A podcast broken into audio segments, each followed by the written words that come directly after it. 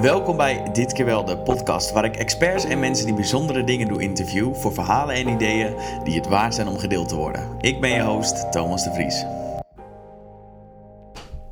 Hey, welkom bij de veertiende aflevering van Dit keer wel de podcast. En ik begin de podcast met de favoriete quote van mijn volgende gast: We can't be healthy without a healthy planet. En mijn volgende gast is namelijk Sarai Pannenkoek. Sarai is auteur, begeleidt als diëtist verschillende Nederlandse topsporters en probeert ervoor te zorgen dat we allemaal wat meer plantjes gaan eten, eh, plantaardig dus, en dat we wat liever zijn voor de rots waarop we leven. Wat milieubewuster gaan leven dus. En over de aflevering, ik heb lang gedacht dat het effect van voeding op het functioneren van een mens groot was. Dat gezond eten ervoor zorgt dat al je problemen als sneeuw voor de zon verdwijnen. Dat alles wat je aanraakt goud verandert en je nooit meer een slechte dag hebt. Nou, inmiddels kom ik daarvan terug en mede door wat Sarai zei in de podcast ik vroeg haar namelijk naar het effect van voeding op het functioneren van een normaal, dus niet topsporter persoon. En haar antwoord was niet zo heel groot. Niet omdat gezonde voeding niet belangrijk, dat is het namelijk wel, maar omdat er zoveel meer is dan alleen gezonde voeding. En over die andere dingen gaat de rest van het gesprek. Dus aan het begin van het gesprek hebben we het vooral over veganisme. We worden zelfs nog even technisch. Uh, en daarna hebben we het over de stichting die Sarai opzette met haar verloofde. Wat collectief bewustzijn is. Waarom Sarai geen WhatsApp meer heeft. Boeken en natuurlijk ook eventjes over mediteren. In andere woorden, het is weer een topaflevering. Luister je deze podcast nou via Soundcloud of via iTunes? Als je zou abonneren, dan uh, doe je me een groot plezier. En um, een like, share of comment via de sociale netwerken zijn ook altijd welkom. Nogmaals, veel luisterplezier en spreek je snel. Zo, Sarai, welkom uh, bij de podcast. ben je er klaar voor? Ja, ik ben er klaar voor. Mooi, mooi. Ja, en de reden dat ik je wil interviewen is omdat het doel van mijn podcast is om erachter te komen wat een goed leven is en hoe je het leidt. En op dit moment geloof ik er heilig in dat daarbij hoort dat je weet wat je um, naar binnen propt. En ook een beetje denkt om wat er, uh, wat er in de omgeving uh, gebeurt. En dat is ook de reden dat ik me ben gaan verdiepen in veganisme. Omdat ik vind dat uh, we onze verantwoordelijkheid moeten nemen. En ik veel lees over veganisme en vitaliteit op latere leeftijd. Nou, als je iets kan doen om te zorgen dat je vitaal oud wordt, dan ben ik er al snel bij. En veganisme lijkt in die zin ehm, dat een beetje te zijn. En daarnaast begeleid je ook topsporters. En het lijkt me heel interessant om erachter te komen wat wij daarvan kunnen leren. Ik heb ook gezien um, dat je um, Jitsu en kickboksen date of doet. Ja. Kortom, ik vind je een badass en ik wil uh, de komende tijd zoveel mogelijk van je expertise uh, uh, leren. Yes. volgens mij begon jij bij de PABO. Ja, dat heb je eerst klopt, gedaan. Toen ja. ben je op een gegeven moment naar Amerika gegaan ja. en toen heb je daar een, een cursus gevolgd. Ja, klopt. Wow, Als ik even de Essentials of Fitness geloof ik. En toen ben je, um, nou ja, um, verkocht geraakt aan het hele um, diëtiek aspect. Ik ben heel nieuwsgierig, waar komt je passie voor veganisme, plant-based leven en alles wat erbij hoort vandaan? Ja, ja super goede vraag. Ik, uh, ik, inderdaad, ik had daar een cursus gedaan in Amerika en het grappige was dat ik toen ook helemaal niet wist dat, uh, wat een diëtist deed. Dus ik zat nog in Amerika. En, uh, wat deed je daar trouwens? Ja, ik was daar au pair. Okay. En als au pair zijn had ik een visum. En bij dat visum moest ik dus ook credits behalen. En dat betekende studeren. En toen uh, had ik een cursus gewoon random gevonden van ja, de Essentials of Physical Fitness. En die had ik afgesloten met een A++. Dus dat was echt een 10. Ik, ik was de meest fanatieke van heel die oh, klas. Ja, ik deed goed. alles en ik vond het zo tof. En toen zei mijn neef uh, van, uh, over MSM, dan weet ik nog van... Uh, ja, dan moet je, ja, dan moet je diëtist worden. en ik denk, een diëtist? Wat is een diëtist? Ja. Nou, en zo ben ik eigenlijk het vak ingerold. En mijn passie voor ja, plantaardige voeding is denk ik al op jonge leeftijd ontstaan. Ik ben op mijn twaalfde, dertiende in, in één klap vegetarisch gaan eten. Omdat ik ja, op de fiets zat en voor een stoplicht wachtte. Links hoorde ik geluid. Ik denk, wat is dat? Ik kijk om. En ik zie gewoon allemaal van die varkens uh, die uit zo'n vrachtwagen puilen. En ik denk, wat is dit nou weer? En toen zag ik daar wat logo staan en wat teksten. En toen dacht ik, oh, deze gaan naar de slacht. Nee, dat kan niet. En ik was uh, vegetariër. Okay. Dus en meer uh, vanuit een soort van ja, echt, oh, gevoel voor ja. die dieren, dat wilde ik niet. Of ja. zo. Dat, okay. Ja, dus dat had ik op jonge leeftijd. Uiteindelijk ben ik wel daarna, na een aantal jaren, wel weer vlees gaan eten. Voornamelijk ook door, me, door mijn omgeving, want iedereen had vlees. En uh, ja, vier jaar geleden vegan challenge gedaan.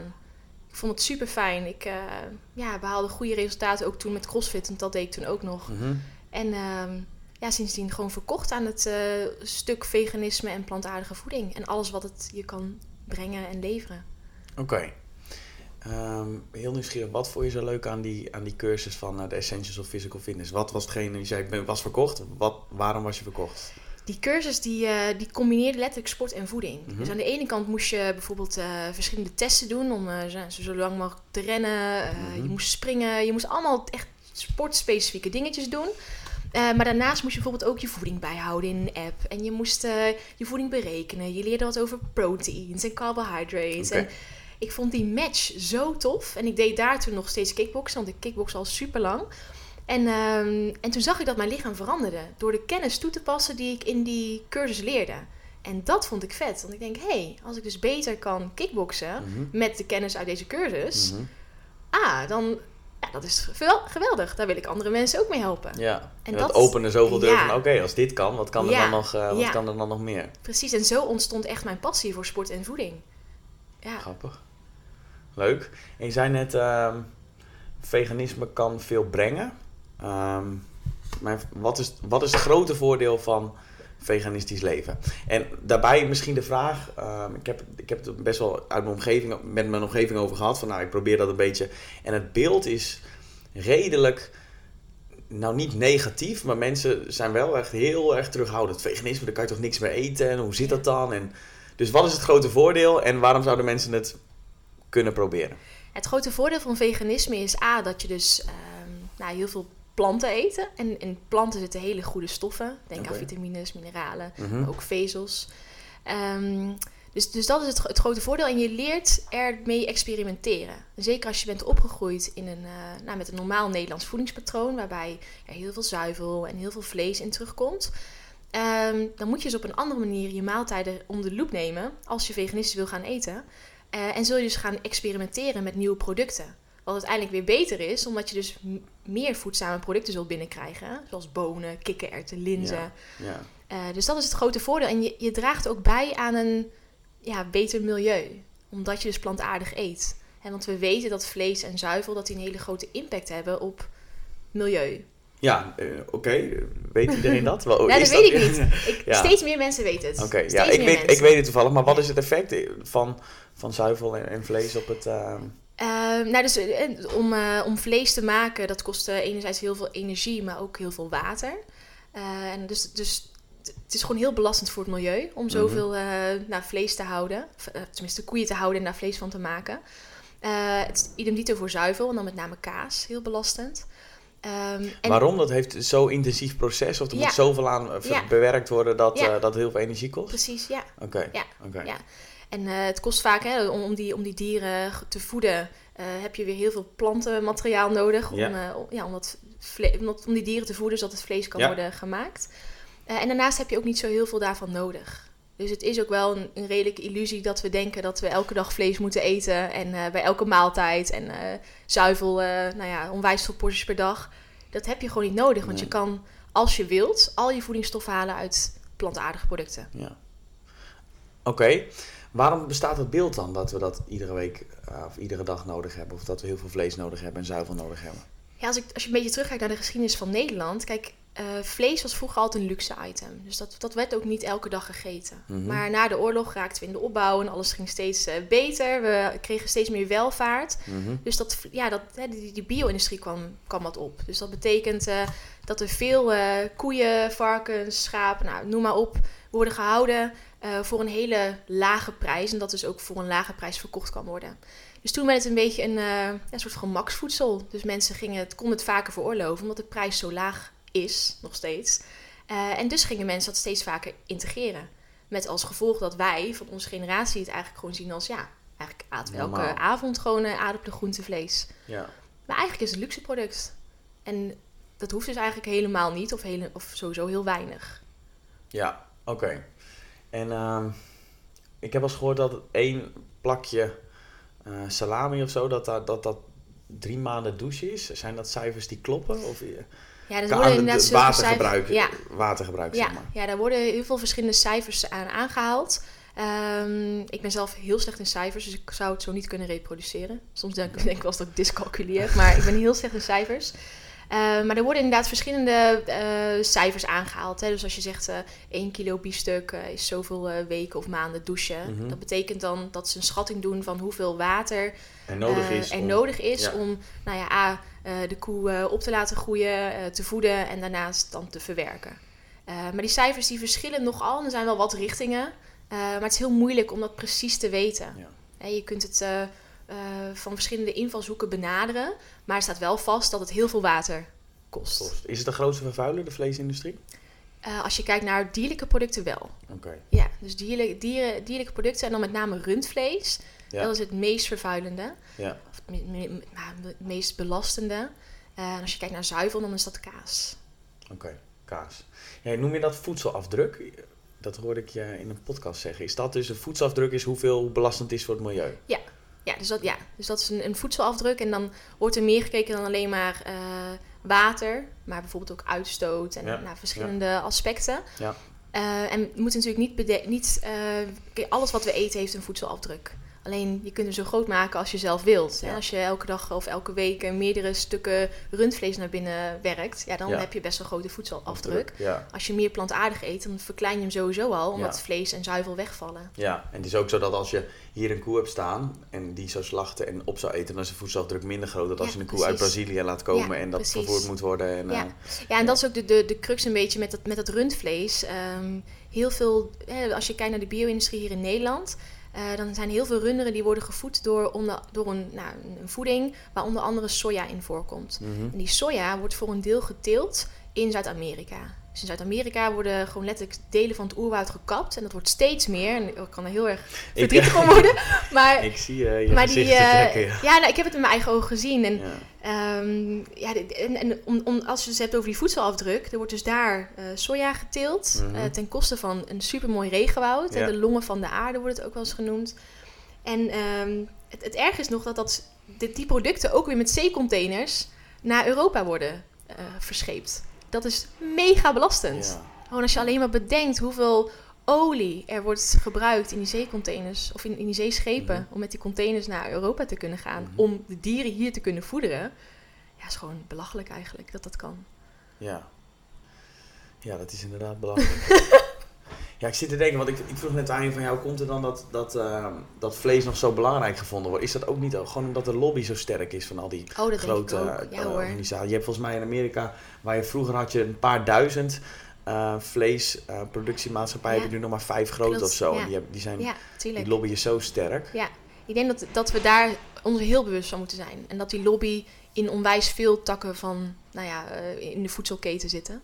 Ja. Dus dat we daar ons zeker bewust van moeten zijn. Maar ik denk dat het ook een grote gewoonte is. Dus het is ergens ook gewoon een gewoonte voor mensen om niet na te denken. Hè, dat ze inderdaad gewoon een aardappel, groente, vleesje willen. Uh, denken niet na, zien gewoon een kilo knaller en kopen dat. Ja. En zich niet bewust zijn. En ik denk ook daarin te ver van het product afstaan om te weten wat er nodig is om nou ja, die kip te doen laten opgroeien en wat voor leven zo'n kip heeft gehad. Maar zien alleen die kilo knaller. Het is gewoon geld. Ja, nou even vullen en that's it. Ja. En ik denk als we daar meer bewustzijn in kunnen creëren, dat mensen dichter bij dat vlees gaan staan, dat ze daar met, daarmee met dat bewustzijn ook betere keuzes kunnen maken. En dan hopelijk zeggen we op een dag met z'n allen, we stoppen met de bio-industrie. Ja. Dat zal een, heel, een hele hoop schelen, letterlijk. Ja. ja, bewustzijn, dat is een belangrijk thema. Gaan we het zo nog uitgebreid. maar de, een van de redenen waarom ik minder vlees ben gaan eten, is omdat de kwaliteit van het vlees gewoon echt heel slecht is. Zeker van de goedkopere uh, varianten. En kun je uitleggen waarom het zo slecht is? Ja, dat wordt natuurlijk, uh, als je, ik neem een kip. Een kip wordt uh, binnen zes weken wordt die eigenlijk uh, ja, volgestopt met voer. Om te zorgen dat hij dat gewoon maximale groei bereikt. Mm dus die kwaliteit is dan sowieso al minder, omdat het, het is geen natuurlijk proces om in zes weken de kip zo te doen laten groeien, dat er zoveel vlees aan zit om te kunnen slachten. En maar dan worden er ook de hormonen en zo inge... Dat durf ik niet te zeggen. Okay. Er zijn wel vaak verhalen die dan eh, de ronde in doen. En ik sprak laatst ook iemand die zei dat uh, vlees waar hormonen in zitten, dat die officieel niet verkocht mogen worden. Dus dat durf ik niet te zeggen. Daar weet ik echt te weinig van. Maar ik denk wel dat uh, als je gewoon kijkt naar hè, dus heel die bio-industrie en, en, hoe daar vlees, uh, nou ja, dieren eigenlijk zo snel behandeld worden om maar zo snel mogelijk uh, weer vlees van te kunnen maken. Mhm. dan kan ik me niet voorstellen dat het gezond vlees is. Het, is, lijkt me gewoon zo minder van kwaliteit. En het grappige is dat ik ook wel eens, ik bedoel, ik heb eh, ja, jaren geleden ook wel eens uh, biologische kip gegeten. En dat je, ik proefde toen echt verschil. En ik hoor dat ook wel van meerdere mensen. Dat als ze uh, biologisch vlees kopen, of in ieder geval vlees wat langer heeft geleefd, wat beter leven heeft gehad, dat ze ook proeven dat er verschil zit tussen een proefkip of zo'n supergoeie. Ja. Ik denk dat het wel te maken heeft met die kwaliteit. Ja. Gewoon meer bite, meer echt uh, goed vlees. Gewoon ja. goede voedingsstoffen die zo'n dier dan heeft gehad. Ja, kan ik me helemaal voorstellen. Ja, het is ook, ik zou nooit helemaal uh, vegan worden, want ik blijf gewoon wel echt wel vlees als ik uit eten ga of zo. Maar ik denk dat de kwaliteit van vlees heel belangrijk is. Dat je gewoon glasgevoed uh, vlees heeft van dieren die goed zijn, uh, goed zijn behandeld en zo. Dat is wel. Ja, en ik denk ook daarin dat niet iedereen hoeft vegan te worden. Ik denk dat dat ook wel een belangrijk iets is wat, wat, tenminste waar ik achter sta. En ik denk dat veganisch leven is maar voor een klein deel van de mensen echt totaal haalbaar en, en ook heel goed. Ja. Maar voor een heel groot gedeelte zou het juist heel goed zijn als ze al minder dierlijke producten eten en bewuster keuzes maken in hè, beter kwaliteit dan kwantiteit. Ja, zeker. Ja, en wat dat betreft is het nog wel, zit er nou echt een grote uitdaging. Want ik heb het dan, ben het een paar weken aan het doen en proberen. Het lukt me in 80% van de gevallen. Maar als je de supermarkt in komt, dan is het wel beperkt gewoon. Dan heb je maar een paar eh, paden waar je, waar je uit kan kiezen. dus er is genoeg, maar het is wel, het kost eventjes tijd en moeite om dat allemaal, uh, allemaal uit te zoeken. En daarnaast, daar ben ik nog benieuwd naar.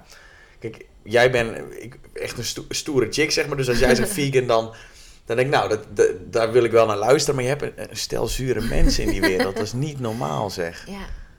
Ja, dat klopt. Ja, zijn, wat ik heel vaak, en ik heb, ik heb heel lang ervoor gekozen om niet als vegan door het leven te willen gaan. Omdat je, er komt wel een label ja, gelijk. er komt een label, maar ook wel meteen een associatie dat je andere mensen zo zwaar mogelijk wil overtuigen van je eigen voedingspatroon. En nou, ik werk zelf met onwijs veel mensen, sporters, niet-sporters. Nou, elke dag ben ik met andere mensen. En ik adviseer in voeding. En ik zou niet willen dat mijn eigen voedingspatroon, dat, dat, eh, eh, ja, dat ik dat helemaal probeer te projecteren op iedereen die ik spreek. Dus, um, dus als je iemand begeleidt die graag vlees eet, dan zeg je niet van nee, dat doe ik niet. Dan doe je gewoon na, naar hun voorkeuren, maak je een voedingspatroon dat werkt voor de doelen die zij hebben. Nou, niet helemaal. Bij mij zit er altijd, altijd krijgen planten de hoofdrol in elk advies dat ik geef. Okay. Uh, dus daarin, en ik, ik ga gewoon het gesprek ook aan. Dus iemand die elke dag vlees wil eten, die daag ik uit om in ieder geval één keer in de week vegetarisch te eten. En, en dat zei, had ik het net ook voor de podcast al even met je over, dat de sporters die ik begeleid, daar, uh, ja, ik, ik, ik hoop en ik, ik verwacht vaak ook wel een beetje van ze, dat ze in ieder geval openstaan voor uh, verandering. Ja. En tot op heden is dat eigenlijk altijd goed gegaan. Dus het is altijd dat ze daar weer mee willen experimenteren en dat ze openstaan voor, oh ja, wat stukje duurzaamheid, wat minder vlees. Ja, en dat vind ik gewoon heel tof. En wat zijn dan de voornaamste redenen dat mensen heel veel vlees willen eten? Dat, gemak zal dat zijn, of dat gewenning of zo. Ja. En dan misschien wat nog meer? Misschien eiwitinname of zo, dat zal, ja. wel een ding zijn. Ja, ja, ja zeker. Er is nog, heerst nog echt een, een, grote fabel natuurlijk in de wereld van sportvoeding. Dat je drie keer per dag kip moet eten om maar aan je eiwitten te komen. We weten namelijk inmiddels dat je al heel veel eiwitten kunt halen uit plantaardige voeding. Ja. Dus, dus en, en daar zie ik ook wel vaak collega's hoor, van mij. Dat, uh, die zeggen letterlijk tegen een sporter dat, ze, dat hij weer vlees moet gaan eten. Omdat, uh, omdat ze anders niet voldoende eiwitten binnenkrijgen. Ja. Dus daar heerst gewoon nog heel veel onwetendheid. Ja, dat is het ook. Ja, en ook de eiwitbehoeften, die, er komen sommigen van terug. Dat je niet zo heel veel eiwitten nodig hebt. Nee. Of als, stand, als ze dachten dat, uh, dat je nodig zou hebben. Ja, ja. ja het is wel vaak een en mensen zijn zo gefocust op eiwitten, maar het, het, gaat om het totale voedingspatroon. En totaal, hoe ziet dat eruit? Uh, ja, je lichaam functioneert niet alleen bij eiwitten, maar ook bij een gezond microbioom, je darmflora, uh, voldoende vitamines, mineralen. Dus het is veel groter dan alleen maar eiwitten. Ja. ja. En daardoor wordt vaak die link gelegd, nou oh ja, je hebt dus dierlijke producten nodig. Nee, maar die planten die leveren superveel vezels en zoveel goede andere stoffen waarvan we misschien de helft nog niet eens goed hebben kunnen onderzoeken. Ja, dat is wel, dat is wel ehm, moeilijk voor mensen. Omdat die zoeken al gauw naar houvast, zeker als je de grotere context niet kent. Ik verdiep me er ook al jaren in, maar ook ik heb nog steeds heel veel vraagtekens. Dus dat, ik kan me wel voorstellen dat dat lastig is. Want eiwit is dan een soort van houvast. Dus je, je macro's, dus je vetten, koolhydraten en ei, dan is dat relatief makkelijk toe te passen. Maar als je, je, je darmflora en je vitamine en mineralen en dan ook nog je... Ehm, allemaal andere variabelen die van toepassing zijn. Nou ja, op een gegeven moment weet je echt niet meer wat je moet doen. Ja, klopt. Dus dat is, Merk je dat ook? Of, uh... ja, ik denk dat, dat inderdaad dat, het, uh, dat mensen te... Dat was natuurlijk zo'n beweging hè, een aantal jaar geleden. Van if it fits your macro's en dat soort dingen. Oh, er zijn mensen heel veel met, met, met die macro's aan de slag gegaan. En in die macro's vertalen... Ja, dat wil gewoon niet zeggen of je een gezond voedingspatroon hebt of niet. En ik vind bijvoorbeeld het microbiome, hè, dus die darmflora onder andere... vind ik... Dat, daar zit een heel groot gedeelte van je gezondheid. En als je daarop focust, plus daarbij dan inderdaad je caloriebudgetten en al dat soort dingen, ja. supergoed. Maar ik heb wel het idee dat die macro's in hand, moet, hand in hand moeten gaan met ehm, al die goede stofjes die in jouw darmen hard aan het werk zijn. Ja. Dus het moet hand in hand gaan en dat wordt vaak vergeten. Ja. Heb ik het idee. Ja. ja. Hm. Oké. Ik merk ook om me heen dat het beeld is dat je heel weinig kan eten als veganist. ja, klopt. dat, je, dat er niks meer overblijft. Inmiddels, ik weet dat het niet meer zo is. Uh, maar kun je, zou je nog uit kunnen leggen waarom dat totaal niet het geval is? Ja, mensen denken vaak dat uh, vegan... Want omdat, eh, omdat dat vlees en dat zuivel zo'n prominente ehm, rol hebben in, in het Nederlands voedingspatroon... Dat is ook wel zo. Als je dat dan in één keer eraf haalt... Ja. En dus stel je je bordje voor met aardappelen, groente en vlees... Vaak scheppen mensen het vlees als eerste op. Want dat is, vinden ze het allerlekkerst. Dat is ook wel... rondom het vlees wordt de rest van de maaltijd gemaakt. Ja, ja, ja. Nou, uh, muesli zonder yoghurt is ook maar muesli. Dus ja, als je yoghurt weghaalt, dat is ook lastig. Um, dus mensen denken vaak van, nou, daar kan ik niks mee eten. Want dan moet ik alles karig gaan eten. Alleen maar aardappelen en groenten. Of alleen maar muesli. Of, nou, net, noem maar op.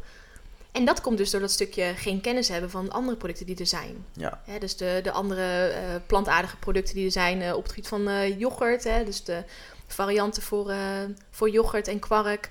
Uh, maar ook welke producten je kan gebruiken om toch wel een volwaardige avondmaaltijd te hebben. Ja. Dus het, dus het, zit hem vaak omdat je het hoofdbestanddeel eruit haalt, dat mensen denken: oh, ik kan niks meer eten. Maar ja, eigenlijk kan je dus superveel eten. Want je hebt onwijs veel verschillende producten die je kan toepassen in je warme maaltijd, bij je lunch, ontbijt, tussendoortjes. Ja, en ik, um, ik weet dat je een boek hebt geschreven, Eet als een atleet. Ik zie hem hier in de vensterbank, eh, zie ik hem staan. Is dat voor mensen um, um, een goede bron als ze willen beginnen met een plant-based levensstijl? Uh, nee, nee, dus echt het boek is, is gericht op, op, ja, op, op sporters. Dus op, uh, ik kan wel beginnen sporter. Dus iemand die net die denkt van nou, ik ga rustig trainen voor een eh, 5 kilometer volgend jaar. Nou, prima, kan, kan je het boek bij gebruiken. Maar het is ook voor de topsporter. Okay. En alles wat ertussenin zit, okay. zit wel heel veel plantaardige voeding in. Dus we hebben verschillende recepten voor lunch, avondeten, snacks. deels ook vegan. Dus we proberen ook echt dat stukje duurzaamheid. Hè? Dus onder andere geen rood vlees, geen mhm. tonijn. Maar dus ook plantaardige voeding. Wel, ja, het loopt wel als een rode draad door het hele boek.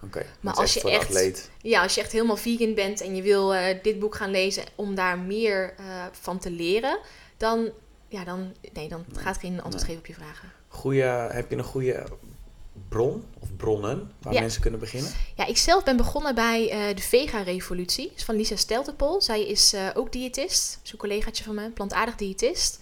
En dat boek ja, vind, vind ik gewoon een geweldig boek. Okay. Ik denk als je ergens wil beginnen met goede informatie, uh, toepasbare recepten, ja, schaf dat boek aan. Okay. Er staat heel, weinig, ja, heel weinig no-nonsense, het is heel no-nonsense geschreven. Ja. Okay. ja. Goeie bron. Ja. Ik zal het in de show notes zetten. Um, ja, Blue Zones. Ik, um, um, ik, ik, heb me er een beetje in verdiept. en Blue Zones zijn volgens mij gebieden in de wereld waar er bevolkingsgroepen leven die vooral plant-based leven. En over het algemeen heel oud worden. Dus die, die nou, niet een uitzondering als mensen 100 worden. dus correlatie, geen causatie. Dus dat ze plant-based leven betekent niet dat ze zo oud worden. Maar nou, volgens mij zit daar wel wat in. Dus ik was heel nieuwsgierig ook naar jou van wat klopt het, die Blue Zones? Is daar, uh, is daar ook echt uh, bewijs voor? En uh, wat weet je erover? Ja, wat weet ik erover? Ik weet er wel wat over, niet heel veel. Um, en ik, ik vroeg me af, maar misschien weet jij het dan. Aten zij volledig plantaardig of voornamelijk plantaardig? Um, voornamelijk plantaardig, een beetje vis en een beetje vlees. Ja, precies. Ja, ja dus nou, dus um, als je ik vind het wel interessant, want uh, de Blue Zones, daar wordt door heel veel, volgens mij zijn heel veel boeken en artikelen over geschreven. Want ja, we moeten eigenlijk die levensstijl van die mensen uh, ja, hanteren om dus vitaal ouder te kunnen worden. Maar als ik in de wetenschap ga kijken, dan, zijn daar, ja, dan is er best wel veel kritiek op hoe dat die data over die mensen in de blue zones ehm, is vergaard. Dus, Want hoe ehm, gebeurt dat dan? Er wordt gewoon gekeken naar wat, wat is jullie voedingspatroon en hoe oud wordt hier iemand gemiddeld? Ja, volgens mij hebben ze dus die, die laatste wat je zegt, eh, hoe oud is iemand gemiddeld, dat zijn gewoon harde data. Mhm. Eh, dus dat kan je gewoon verkrijgen. Maar ze hebben wel onder andere een beroep gedaan uh, met behulp van vragenlijsten over het leefpatroon van die mensen. Dus je doet eigenlijk een beroep op het geheugen van mensen. Dus dat is in die zin al een minder harde uitkomstmaat. Ja, natuurlijk. Ja, het is heel erg subjectief natuurlijk. En wat weet iemand nog wel en wat vergeet iemand. Um, maar kijk, ik denk wat, wat we daarvan kunnen leren. Volgens mij was er ook daarna een, een soort van lijst ontstaan met acht of negen regels die zij dan hadden van die gedragingen. En een van die gedragingen was inderdaad van meer plantaardig eten. Uh, dus, en ik denk als je die negen regels gewoon leest, uh, nou, veel samen zijn met andere mensen. Uh, volgens mij was iets met voldoende bewegen. Nou, heel veel andere ankers die ook hier gewoon in reguliere vitaliteitsprogramma's terugkomen. Dus wat we van die Blue Zones kunnen leren is dat zij in ieder geval verschillende aspecten van vitaliteit met elkaar combineerden. Ja. En dat we dat vaak in ons huidige systeem wel eens willen vergeten. We zijn vaak heel druk. Uh, nou, community is, nou, kan, maar vaak hebben mensen wel een Instagram community, maar niet echt een offline social community, waar je echt op kan terugvallen als er iets is. Ja. En, um, dus dan gaat gezondheid veel verder dan alleen wat je naar binnen ja, gooit, maar ook de, de, de, sociale ja, contacten. Zeker, ja, mindset. Uh, hoe, hoe, hoe, uh, hoe, hoe veerkrachtig ben je eigenlijk in het leven? En ik denk zeker dat plantaardig... bedoel, we weten dat mensen die plantaardig eten, vegetarisch, veganisten... dat die over het algemeen ja, gewoon gezonder zijn. Maar dat komt omdat ze meer planten eten. En er zitten zoveel goede stofjes in die planten. En als je bijvoorbeeld kijkt naar de Nederlandse bevolking... wij eten echt zo weinig groenten, gemiddeld gezien. En ja, fruit nou, ook wel nog weinig, maar oké. Maar groente, 250 gram per dag, dat is een minimum. Mensen halen dat niet eens eens. Zitten gemiddeld rond de 100, 120 gram. Hoeveel gram eet jij, denk je gemiddeld? 400 gram minimaal per dag. Ja. Maar ik integreer het ook eigenlijk overal in. Dus ik, uh, ik drink wel smoothies uh, met spinazie vind ik, of uh, boerenkool vind ik vet lekker. Maar ik probeer het echt altijd bij mijn ontbijt, lunch en avondeten te integreren. Bestaat bij jou ook het beeld dat jij nooit iets fout eet? Of ja. Iets, ja. Ja. ja, tuurlijk. Ja. Weet je, ik, ik, ik, was laatst, vorig jaar was ik op een uh, Braziliaanse jiu kamp. En uh, nou, ik zat aan de bar, gewoon leuk, gezellig. En er werd een, een hele schaal met allemaal mini-marsjes en snickers. Die werd gewoon op die bar geknald, recht tegenover mij. Ik dacht, oké. Okay, ehm, dat heb ik eigenlijk al best wel lang niet gegeten. Ik weet het niet vegan, maar ik dacht, ik wil gewoon even een hapje. Ik wil gewoon even proeven hoe dat ook weer smaakt. Vet lang niet gegeten, dus ik breek er eentje aan. Muziek stopt. Hapje, ja, nee, letterlijk. In één keer, voem, iedereen. iedereen. En dat ik echt dacht, oh wauw, oké, nou, oké. Uh, en het was ook van, ja, we waren echt aan het wachten totdat jij eentje pakt. Want ja, jij zit ernaast. En uh, pas als jij het doet, dan doen we het. Weet je wel, dan, dan, dan kan het, dan mag het. Ja. Of uh, sporters die denken dat ik nooit een pizza eet. Of, uh, nou, ik eet ook eigenlijk nooit een pizza, maar oké, slecht voorbeeld. Of nooit frieten eet. Ja. En ik moet zeggen, in Amsterdam, ik heb nog steeds geen tent gevonden waar je. Ik doe, doe ik niet echt uh, nee, hard moeite, maar in ieder geval in Os heb je echt een supergoeie frietent zitten. Dus als ik bij, bij, mijn vader ben en we zijn in de gelegenheid, dan eet ik misschien twee keer per jaar een frietje daar. Want ik vind daar het allerlekkerst. Um, dus ik eet wel af en toe, maar heel sporadisch. Omdat ik, ik vind koken met verse producten, met gewoon onbewerkte producten, vind ik gewoon het allerleukste wat, het, wat er is. Dus ja. ik, ja, ik hou gewoon niet van al dat voorbewerkte meuk, zo noem ik het maar. Ja. Dus ik eet dat ook niet zo heel vaak. Maar mensen denken wel dat ik niet, niet snoep. Oké, ik snoep ook niet. Ik eet af en toe chocola, weet je wel, zulke dingetjes. Maar ik denk dat, dat de associatie ook is dat dat soort eten, omdat dat dat niet lekker kan zijn. Maar ik, ik merk het bij mezelf ook als ik dat eet. Ik voel me er echt... En dat is ook iets, jij zei ik heb je in een podcast horen zeggen dat, ehm, dat je voedingspatroon. Dat dat voor iedereen individueel is. Dus je hebt geen uh, universeel voedingspatroon. Ja. Dus voor iedereen is dat. En toen vroeg ik mezelf af, hoe kom je daar nou achter wat voor jou werkt? Dus hoe kom je er nou achter wat een. Moet je dan twee weken iets gaan proberen en dan gaan noteren van een half uur later hoe voel ik me, een uur later hoe voel ik me en dan volgens eerst een vegan en dan uh, ketogeen. Of hoe, hoe zou je dat iemand aanraden die gewoon wil kijken van, want ik geloof daar ook in. Sommige mensen die gaan beter op koolhydraten, sommige mensen beter op vetten, sommige mensen beter op wat vlees of misschien wat meer. Hoe, hoe kom je daarachter? Nou, ik werk natuurlijk met uh, superveel sporters. Dus ik probeer het altijd gewoon in kaart te brengen. Ik probeer altijd een beetje te kijken wat is hun uh, geschiedenis in voeding. Hebben ze al mhm. heel veel geprobeerd of niet? Um, ik probeer een beetje te kijken natuurlijk van waar staan ze nu? Dus hoe ziet het voedingspatroon er op dit moment uit? En vaak probeer ik dat alleen al te optimaliseren. Dus door uh, simpel met basisregels, hè, een beetje die, uh, die macro's, hè, wat, zijn hun, wat is de behoefte? Ja. Uh, als je kijkt naar de sport die ze beoefenen, om beter te kunnen presteren. Maar daarnaast dus ook gewoon hele simpele dingen, voldoende groenten, fruit, pulvruchten, nou, dat soort dingetjes. En als een sporter een hele sterke wens heeft om echt te zoeken wat het best bij diegene past, dan is altijd de vraag: ja, maar waar dacht je zelf dan aan? Want ergens zijn ze getriggerd. Misschien kan het anders. En de ene inderdaad wil low carb. En de andere zegt juist van ja, misschien moet ik wat meer koolhydraten binnenkrijgen. Ik heb echt het idee dat ik te hoog in vetten zit, bijvoorbeeld. Omdat ze juist wat minder vet binnen willen krijgen. Ja. Uh, sommigen willen meer plantaardig inderdaad. Anderen. Er zijn heel veel verschillende vragen. En een beetje wat hun triggert, nou, daar ga ik op in. En dat gaan we dan proberen met stapjes. En soms zijn het hele kleine stapjes. Maar soms ook hele grote stappen, omdat ze rigoureus iets willen uitproberen. En natuurlijk is daarna altijd de, fase van evalueren. Van inderdaad, heeft het gewerkt? Het gewerkt? Hoe voelde je je? En voelen is natuurlijk een heel mega subjectieve maat. Maar dat is wel hoe de sporter daarmee omgaat. Dus, dus wat het voor, voor diegene eigenlijk teruggeeft. Zo'n zo'n voedingspatroon. Ja. En daarbij denk ik dat het uh, ook altijd goed is om te onthouden, is een proces. Dus het ene voedingspatroon kan soms heel goed bij iemand passen. Eh, en misschien een paar jaar daarna, dat het totaal anders is. Dat kan. En ook dat, is, dat is het leven. Dat is gewoon een proces. Super mooi om dat eigenlijk mee te maken en, en dat te ervaren. Maar dus een eerste goede stap is dus wel kijken naar wat iemand triggert, kleine aanpassingen doen en dan vervolgens na een tijdje evalueren van wat dat precies ja. voor je gedaan heeft. Ja, en kijken waar dus iemand nu staat. Want als iemand echt te, te weinig. Uh, nou, als iemand heel veel bewerkte producten eet, dan denk ik dat daar al een winst te behalen valt. Ja. Dus door over te stappen op meer zelf koken. Nou, hoe kan je dat integreren? Hoe kan je hè, van uh, twee, uh, een, een, een, weet ik veel, een lunchsalade die je ergens haalt en een, een stoombakje die je ook weer ergens haalt voor het avondeten. Waar liggen de mogelijkheden om nou zelf één maaltijd in ieder geval zelf te bereiden? En dat uitbouwen. En dan ga je misschien van een super bewerkt voedingspatroon naar een heel weinig bewerkt voedingspatroon. Met misschien wel dezelfde energie en koolhydraten, eiwitten, maar gewoon letterlijk meer voedingsstoffen. Ja, ja, ja, ja. Ja, ik moet altijd lachen.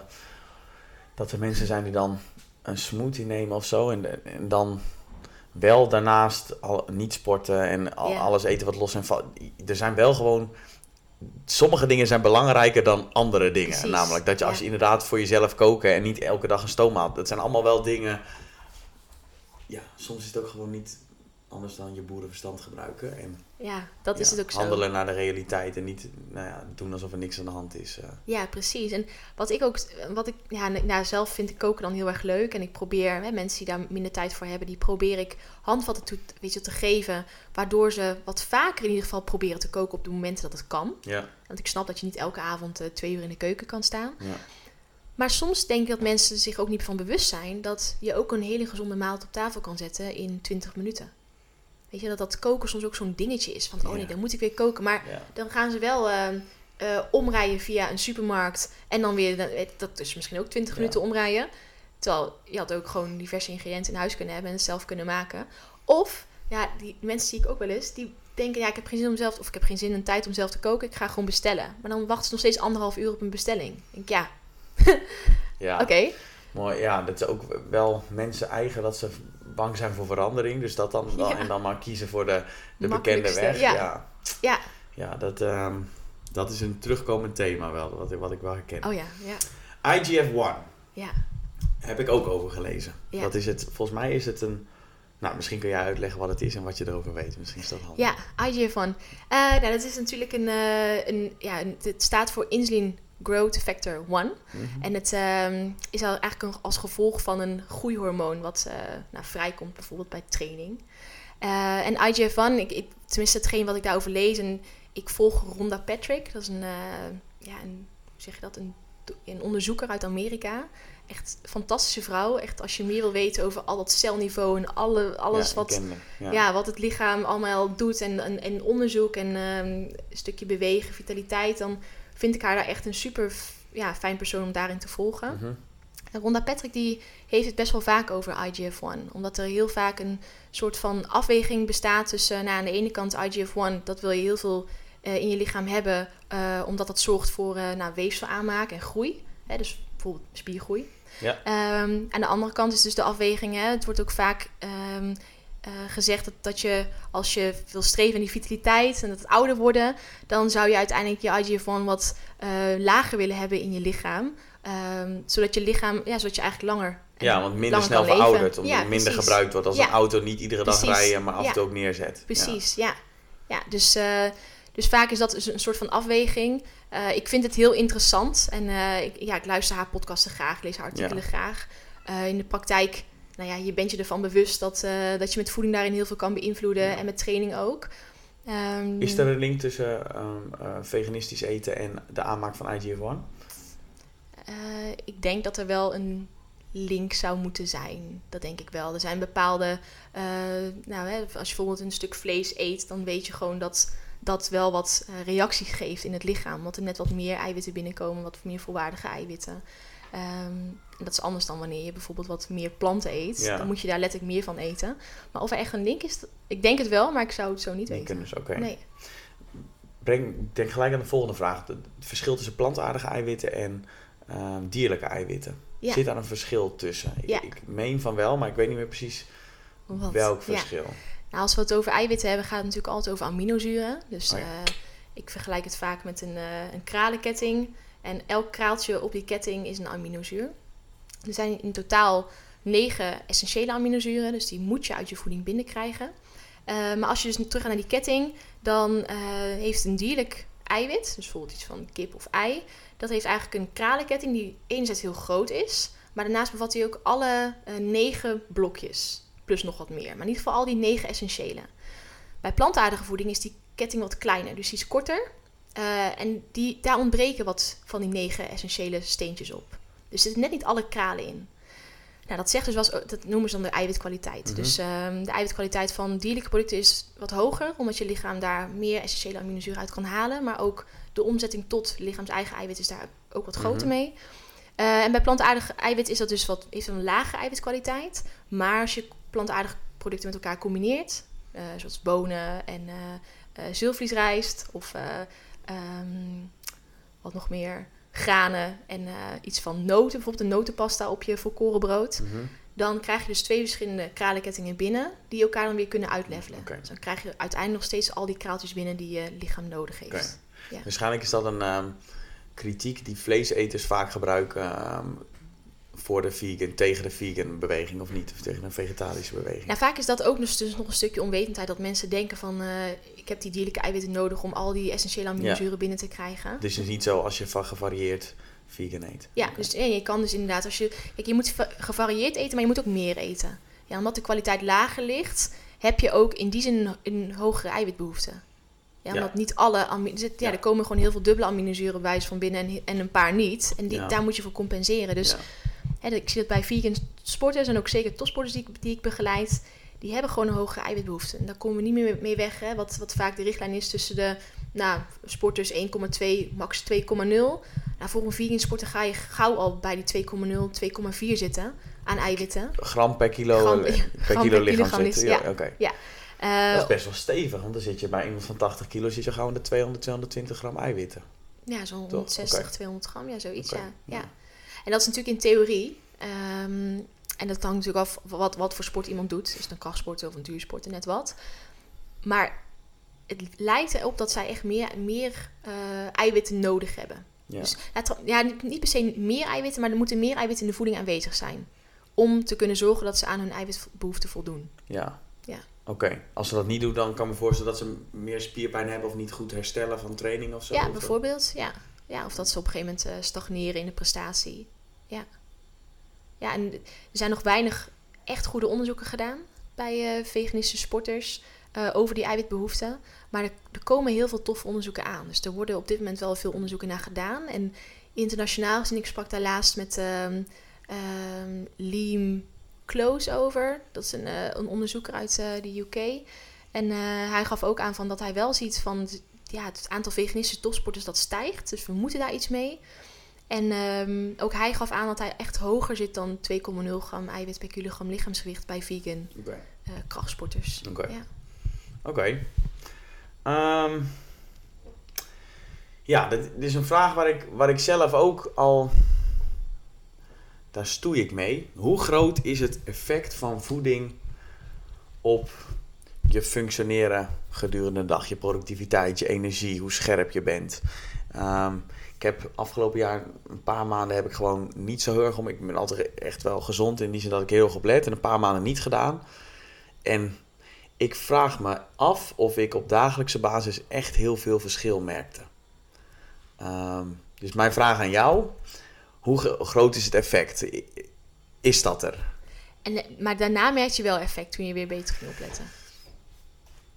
Ja, um, Weet ik niet. Het is niet zo niet duidelijk in ieder geval. Wat me dus, wat me, waarom ik dus afvraag van ja, hoe groot is het effect eigenlijk? Ja. Want je, ik, heb, ik heb ketogeen geprobeerd, ik heb oh, paleo eh, maanden geprobeerd, ik heb nu vegan en ik misschien dat ik iets minder energie heb. Maar ja, dat zijn natuurlijk ook de andere. Slaap is een hele belangrijke, stress is een hele belangrijke. Dus, maar het is niet één op één. En ik dacht vroeger dat als je voeding goed is, daar dan dat is alles. Maar dit, mijn vraag, hoe groot is dat effect? van voeding op je functioneren? Um, ik denk bij een uh, ziek persoon dat het een groot effect kan hebben. Of bij mensen die een verhoogde behoefte hebben aan iets. Hè. Denk aan een marathonloper. Dan, die merkt het effect van voeding eigenlijk meteen. Als hij niet mhm. op tijd bijvult. Want dan mhm. komt hij de man met de hamer tegen. Ja. Maar ik denk gewoon voor, tussen haakjes natuurlijk normale mensen. Is voeding... Onstervelingen. Ja, ja is, is voeding ja, een, een, klein deel. Omdat het ook belangrijk is inderdaad dat je voldoende beweegt. Dat je nou ja, uh, uh, voldoende rust pakt, en niet te veel stress, nou, al dat soort dingen. Dus het hangt heel erg van die context af waar, het, mhm. eh, waar je mhm. het in zet. Ja. Ehm, en bijvoorbeeld iemand die uh, nou, wijs van overgewicht heeft, heel slechte labwaarden heeft. Ja, daarbij kan het effect van voeding juist heel... Weet je, dan is dat misschien het grootste punt waar hij nog snel gezondheidswinst mee kan behalen. Door beter te eten, minder bewerkt, minder suiker, zout, nou, noem maar op. Ehm, en door af te vallen. En dan zul je zien dat het dat leven gaat dan ook in één keer veel makkelijker. Ja. Dus het hangt maar net af van de context waar je het in zet. En, en wat. Uh, kijk, jij was waarschijnlijk al ook een paar maanden geleden gewoon een redelijk gezond persoon. Ja. Dus dan merk je dat minder snel, omdat je dan nog een buffer hebt. Maar bij mensen die die buffer niet hebben, of veel minder, die zullen dat effect van voeding sneller merken. Is het dan ook dat op de korte, zeker als je al de context is dat je normaal gezond leeft, dat het op de korte termijn misschien niet zoveel effect heeft, omdat je dus die buffer hebt in je lichaam, een goede reserve heeft, maar over de lange termijn, als je het uitsmeert over 20, 30, 40 jaar, dat het effect dan in één keer. Ja. Dat zie ik ook wel eens. Dat zie ik mensen van een jaartje of 50 en de ene die is. Uh, bijvoorbeeld, ken je, je kent Mark Sisson wel. Dat is die eh, van de Primal Blueprint uit Amerika. Oh, Een auteur, oh. die is 65 en die heeft echt een eng gespierd lichaam. Gewoon zijn kop past oh, nee, niet bij ja, zijn... Ja, ja, ja. ja. Maar oh ja, ja, ja, ja dat, als ik zijn, en hij is natuurlijk echt extreem, maar ik zie ook wel eens gewoon mensen van 50 die zijn nog aan het sporten, lopen nog halve marathon, zijn echt fit. Je ziet ook gezichten, hebben nog, nou dat ziet er echt nog goed uit. Jong, energiek, uh, vibrant, vitaal. zie je ook wel eens mensen van 50 die zijn, lopen krom en die hebben rimpels, die kunnen dan niet meer zo goed bewegen. Denk, ja, en dan denk ik dat voor, klopt dat dan? Dat dat, dat, dat ook een, een gevolg is van je voedingspatroon over een tijdsbestek van 40 jaar? Ja, onder andere. Dus dan, maar dan is het vaak voeding in combinatie met dus bijvoorbeeld beweging. Ja, oké. Dus, uh, dus ik denk dat het altijd wel een, een, een combinatie is. Um, dus ja, je denkt wel natuurlijk als je al heel lang een heel slecht voedingspatroon hebt met heel veel bewerkte producten, op een gegeven moment ga je dat merken. Want dan uh, ontwikkel je bijs van diabetes of je hebt hoge bloeddruk, nou je bent misschien te zwaar. Dus het, het ontwikkelt zich wel. Ja. Uh, en da daarin ligt er weer aan te grond goede gewoontes. Ja. Weet je, gewoon inderdaad uh, goed voor jezelf zorgen, bewegen. Heel veel mensen stoppen met, met sporten zodra ze, um, nou, weet ik veel, last hebben van een knie of van een rug of net wat. En dan, nou, we zijn klaar. Ik ben al te oud, ik moet niet meer sporten. Nee, je bent juist oud, dus je moet juist sporten. Ja. Ja, dus, en, en ook met eten. We, als ik nu soms om me heen kijk, wat, wat mensen allemaal naar binnen werken aan zogenaamd gezonde producten. Hè, fluffy banana pancakes en met extra siroop eroverheen en dit en dat. Dan denk ik, ja, heel leuk. Maar als je het elke week volhoudt voor de komende 20 jaar, je lichaam is daar echt niet zo blij mee met al deze crap. Ja. Dus, um, dus ik denk, ik, ik, ik, vind voeding echt heel belangrijk, maar steeds meer zie ik dat voeding alleen, dat dat is, het is natuurlijk een belangrijke pijler, maar het hangt altijd samen met verschillende andere pijlers die net zoveel uh, uh, ja, licht verdienen. Dit noem je ecoception, toch? Ik las een, uh, een post oh van je dat, dat je lichaam een ecosysteem is, maar dat je voedingspatroon ook een ecosysteem is van de andere dingen doet. Werk, stress, relaties, al die. ja. ja, ecoception, klopt, dat zei ik toen. Ja ja, je eigen ecosysteem in een groter ecosysteem zetten. Ik kom, er, ik kom er ook echt achter. Maar dat is ook iets wat gevoed wordt door de fitness- en voedingsindustrie. Als iemand wat schrijft over ehm, een product dat ze op een voedingspatroon dat ze aanhangen, dan wordt ook alles gedaan dat als je dat voedingspatroon niet aanhangt, nou dat dan alles misgaat en je nee. verrot voelt en ongelukkig bent. Dus ik kom daar ook achter en ja, dat, wat, wat die mensen allemaal zeggen dat het zoveel effect heeft, dat is puur omdat ze aan de achterkant producten willen verkopen en geld verdienen. Waar op zich niks mis mee is. Maar daardoor, nou, is het, ik weet niet, dat heb ik, daar begin ik moeite mee te krijgen. En ik zie ook inderdaad dat het meer is dan alleen een goed voedingspatroon. Heb ik ook hoor. En ik, ik, weet je wat, wat ik gewoon daarin heel vervelend vind, is dat aan, aan het einde van de dag weet de consument niet meer wat hij moet eten. Exact. Weet je, dat hetzelfde met... Ehm, al die tegenstrijdigheden die, die je op het internet vindt. En weet je wel, de ene weet weer beter. Inderdaad, de ene verkoopt, nou, als je dit doet, dan uh, nou, krijg je dit lichaam en deze gezondheid en noem maar op. Um, en de ander verkoopt weer anders. En nou ja, bijvoorbeeld ook zo binnen de plantaardige community, weet je wel. Dus mensen zijn een beetje, willen hun eigen podium en, en duwen andere mensen daardoor een beetje de grond in. Terwijl aan het einde van de dag willen we volgens mij allemaal mensen informeren over goede voeding. En hebben we allemaal een gezamenlijk doel, namelijk de mens uh, gezonder maken. Want we weten dat heel veel mensen nu uh, ja, niet zo super gezond zijn, niet zo gezond leven. Met, uh... Ja, want wat is het gevolg van dat mensen het niet meer weten? Kiezen mensen dan een eigen, denk, halen ze een handen eraf? Ja, en kijken bij wie ze het meeste vertrouwen, degene die het meeste vertrouwen kan opwekken. dus vandaar dat sommige mensen bepaalde voedingsgoers helemaal geloven. Omdat ze denken, ja, maar dat is een autoriteit, want die heeft zoveel duizend miljoen volgers, weet ik veel. Ja, um, we vertrouwen diegene, dus we nemen alles aan wat diegene zegt. Terwijl er zitten ja, kunnen ook gewoon heel veel onzin dingen natuurlijk tussen zitten. En dat is, ja, ik denk dat ik dat vaak nog wel het meest vervelende vind, dus voor de eindgebruiker. Dat omdat er zoveel tegenstrijdigheden zijn. En ik bedoel, ik schrijf voor I'm a Foodie, maar hoe vaak mensen sceptisch zijn over de blogs die wij schrijven. Maar dus dat, is een soort van geloof. Van nee, ik geloof jullie niet. Nou ja, je hoeft ons ook niet te geloven, maar we hebben de wetenschap erbij gehaald. We halen onze praktijkervaring erbij. We willen juist bijdragen aan een stukje beter eten, gezonder eten. Maar dan zijn er altijd mensen die dan heel sceptisch zijn en dan zeggen: nee, ik geloof het niet. Ja. Nou ja, oké, ja. Dat is dan jammer. Dus dat vind ik vaak heel jammer. Dat het, dat het zo'n. Ehm, ja, dat mensen gewoon aan het einde van de dag niet meer weten wat ze nu moeten eten. En dan maar gewoon iemand gaan volgen. Volgen, en, ja. Ja. Ja, dat is, een, dat is een dingetje. Ik heb er ook altijd erg veel. Uh, ik heb daar moeite mee. ik heb daar echt heel veel moeite mee. En uh, dat mensen sceptisch zijn tegenover de, de diëtisten, de, uh, de vitaliteitstherapeuten, nou, noem maar op. Uh, mensen zijn sceptisch. Die, ja, ze willen liever gewoon iemand die ehm, ja, heel bekend is of meer volgers heeft of net wat. Ja. Allemaal rij volgen. Die Doe vooral wat je, waar je goed bij voelt. Ja, dat is inderdaad zo. Volg rij. um, ja, we hadden het net over uh, het ecosysteem van niet alleen voeding, maar dat het een, meer een complexer systeem is. Een klein bruggetje naar um, meer bewustzijn. Maar ik zie hier ook stichting staan. Dus ik ben heel nieuwsgierig naar jouw, jullie nieuwe stichting. Voordat we het bruggetje maken naar um, collectief bewustzijn en al dat soort dingen. Ja, zal ik een korte inleiding doen? Uh, nou, Paul en ik, Paul is mijn verloofde. Uh, wij werken alle twee in de topsport. Uh, we zijn daarnaast ook heel erg al jaren met een stukje duurzaamheid bezig. Dus mhm. echt de manier waarop we leven, um, ja, wat we doen. Um, en wat we steeds verder zagen was dat we de sport eigenlijk een heel groot, ja, heel erg onduurzame wereld vinden.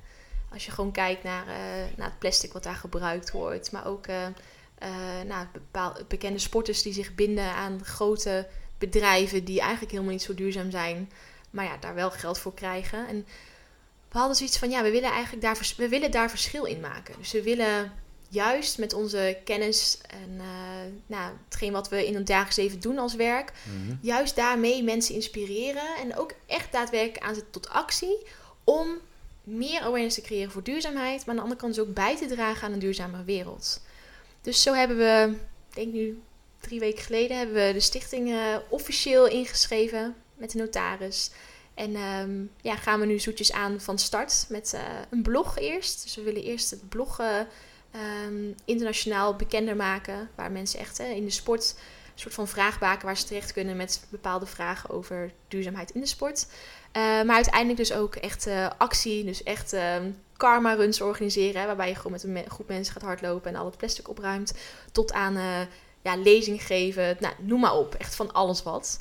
Maar echt met als doel sporters, coaches, allerlei mensen die in de sport, bij de sport betrokken zijn. Uh, Maar mhm. ook um, merken, sportmerken, om ja, daar ook echt dat bewustzijn te vergroten. Van hey, kom op, uh, we kunnen niet zo omgaan met uh, elke keer opnieuw plastic flesjes bij elk toernooi dat, dat er is. Waarom neemt niet iedereen zijn eigen bidon mee? Weet je wel, gewoon ja, op die manier. actieve dingen waarin we gewoon uiteindelijk gewoon een groot verschil willen maken. En dan misschien wel dat over een tijd de grote sporters der aarde ervoor kiezen om zich te linken aan, uh, aan hele duurzame merken. Precies. En uithangbord, uithangbord worden van een duurzame. Oké. Ja, en dat, en, en, maar ook dus, dus aan de ene kant een stukje duurzaam, hè, dus een stukje duurzame kleding bijvoorbeeld, dat soort dingen. Maar aan de andere kant ook dat sporters uh, weten welke andere opties er zijn en zich niet meer verbinden met uh, um, ja, merken waarvan we weten dat die gewoon geen duurzame uh, bedrijfsvoering hebben. Ja. Ik hoop dat duidelijk is. Ja, nee, oké. ja, dus ik, ik begrijp hem. Ik begrijp hem. Oké, leuk zeg. Ja, heel tof. Ja, ja was ook echt, uh, voor ons voelt het echt als dingen die samenkomen. Dus dat we daar, hè, bedoel, we inspireren denk ik nu al gewoon op de werkvloer uh, heel veel mensen. Uh, door gewoon te zijn wie we zijn en te doen wat we doen. Ja. Maar we willen het gewoon groter maken. En, en zeker omdat we ook zien dat in de wereld van sport en zeker topsport ja, duurzaamheid is gewoon daar een heel lastig onderwerp. ja. ja, daar wordt gewoon Komt niet over nagedacht. De belangrijkste, het belangrijkste doel is gewoon presteren. En of dat dan, dat hoeft niet, dat hoeft niet duurzaam als er maar gewoon gewonnen wordt. Ja, ja, nee, ja. En, en bedoel, kijk, ook dat stukje duurzaamheid. Ten alle tijden mag het niet ten koste gaan van de prestatie van de sporter. Okay. En dus dat die zelf, nog steeds. Ja, die is altijd leidend. Ik bedoel, een podiumplek, eh, dat is het mooiste wat, wat we iemand gunnen natuurlijk. En daar willen we ook aan bijdragen. Maar als je kijkt naar de keuzes die iemand kan maken, zonder dat hij hoeft in te leveren op uh, die kant op het podium, mhm. dan gaat het ook om awareness creëren om de. Alleen al het feit dat je weet dat, dat er verschillende keuzes zijn. en nu wordt er vaak maar gewoon één keuze. Dat is niet eens een keuze. Er wordt gewoon één optie aangegeven. Dit is het. We gaan het zo doen. Maar als mensen meer bewust worden van de opties die er zijn. Hè, wat ik net noemde van die bidons. Uh, nou, noem maar op. Um, en dan kun je daar wel beweging mee creëren. Zijn er al topsporters echt op, op wereldniveau die hiermee bezig zijn? Ja. ja. Oké. Ja, dus die, ik denk dat ik die zelf ook wel aantrek. Dus ik, heb, ik krijg vaak, vaak de vraag van... Ja, Sarai, zie je steeds meer uh, bewuste sporters? Of ja, ik zie die. Ja, die komen ook naar mij toe. Heb je een voorbeeld van... van uh... Als diëtist heb je uh, medisch beroepsgeheim. Dus je loopt eigenlijk niet echt. Je kan, kan niet zeggen nee, okay. allemaal door mij Nee, ik dacht meer van een Tiger Woods of zo. maar heb je daar ook een. Oké. Ja, er zit wel echt. Ja, ik heb ah, wel een paar echt hele goede atleten die, die echt op meerdere Olympische Spelen en op nou ja, heel hoog niveau presteren. Maar ik denk dat ik die dus aantrek. Dus dat die vanzelf denken van hé, hey, er is meer. ik word getriggerd door dat stukje duurzaamheid. Ik wil eigenlijk ook wel wat goeds doen, hè, terug doen eigenlijk voor de wereld. Ja. Um, dus ik zie die heel veel inderdaad. Maar dat is denk ik gewoon het magneet. Gewoon, Dan ben je een magneet natuurlijk, omdat je daarop focust. En ik denk ook, want volgens mij zijn er wel heel veel topsporters die goede dingen willen doen. Heel veel um, um, dat soort projecten, liefdadigheidsprojecten doen. Alleen misschien nog niet genoeg op dit specifieke deel, namelijk duurzaamheid. Ja. Ja, precies. Nee, en ik bedoel, het een dus ik denk dat de wilde wel is, maar misschien moet het, het vizier er even op gericht worden. Ja, zet ik de brug slaan. Dus, en dat leerde ik ook de afgelopen weken. Hè. Kijk, als ik kijk naar uh, wat ik doe en waar ik mee bezig ben, dan bevind ik me vaak op een mega groot eiland, ver van de letterlijk bewoonde wereld af. Um, en voor mij, als ik dan met mensen praat, dan is het vaak voor mij heel normaal dat mensen weten wat er allemaal aan de hand is met de wereld en dit en dat. Dus ik ga eigenlijk op dat niveau ga ik het gesprek aan.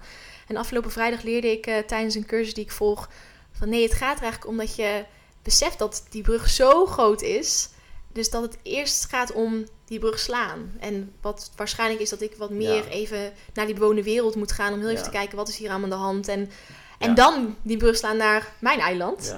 En um, ja, dat, dat gaf zoveel inzicht. dacht ik, ja, Dat is, het is ook gewoon onwetendheid. En ik kom hier niet om de les te leren van... hé hey jongens, let's, ik ga niet naar NOC-NSF, naar Papen en dan zeggen... jongens, kan niet meer, we moeten dit doen. Ja. Ik één keer geprobeerd, een paar jaar geleden. En mijn collega's dachten, wat doet zij? Maar dat kwam dus te ver van hun. Dus ik moet wat subtieler. Dat is toch ook volgens mij de definitie van empathie. Dat mensen meten waar ze zijn, zeg maar. Dus toch? Dus, niet, niet wensen dat ze anders zijn, maar kijken waar ze zijn en daar, daar beginnen. ja, daar beginnen. Ja. Ik, heb daar, ik heb er ook wel schuldig aan gemaakt. Ik begon met zelfontwikkeling en met voeding en zo, dat ik dan iedereen veroordeelde over hun manier van leven. Heb, je, heb je dat ook gehad? Of, ik heb dat eh? ook gehad, ja. En, en ik denk dat dat steeds weer is. Dus ik, en ik vind dat ook wel daar een heel mooi proces, want je bent aan de ene kant voel je mega verlicht, want je denkt ja, ik heb een bewustzijn en dit en dat ja, dat die mensen dat niet hebben. En, weet je wel, en, dat is een beetje zo'n bubbel waar je dan in zit. En dat je andere bubbels dan ook ziet. Maar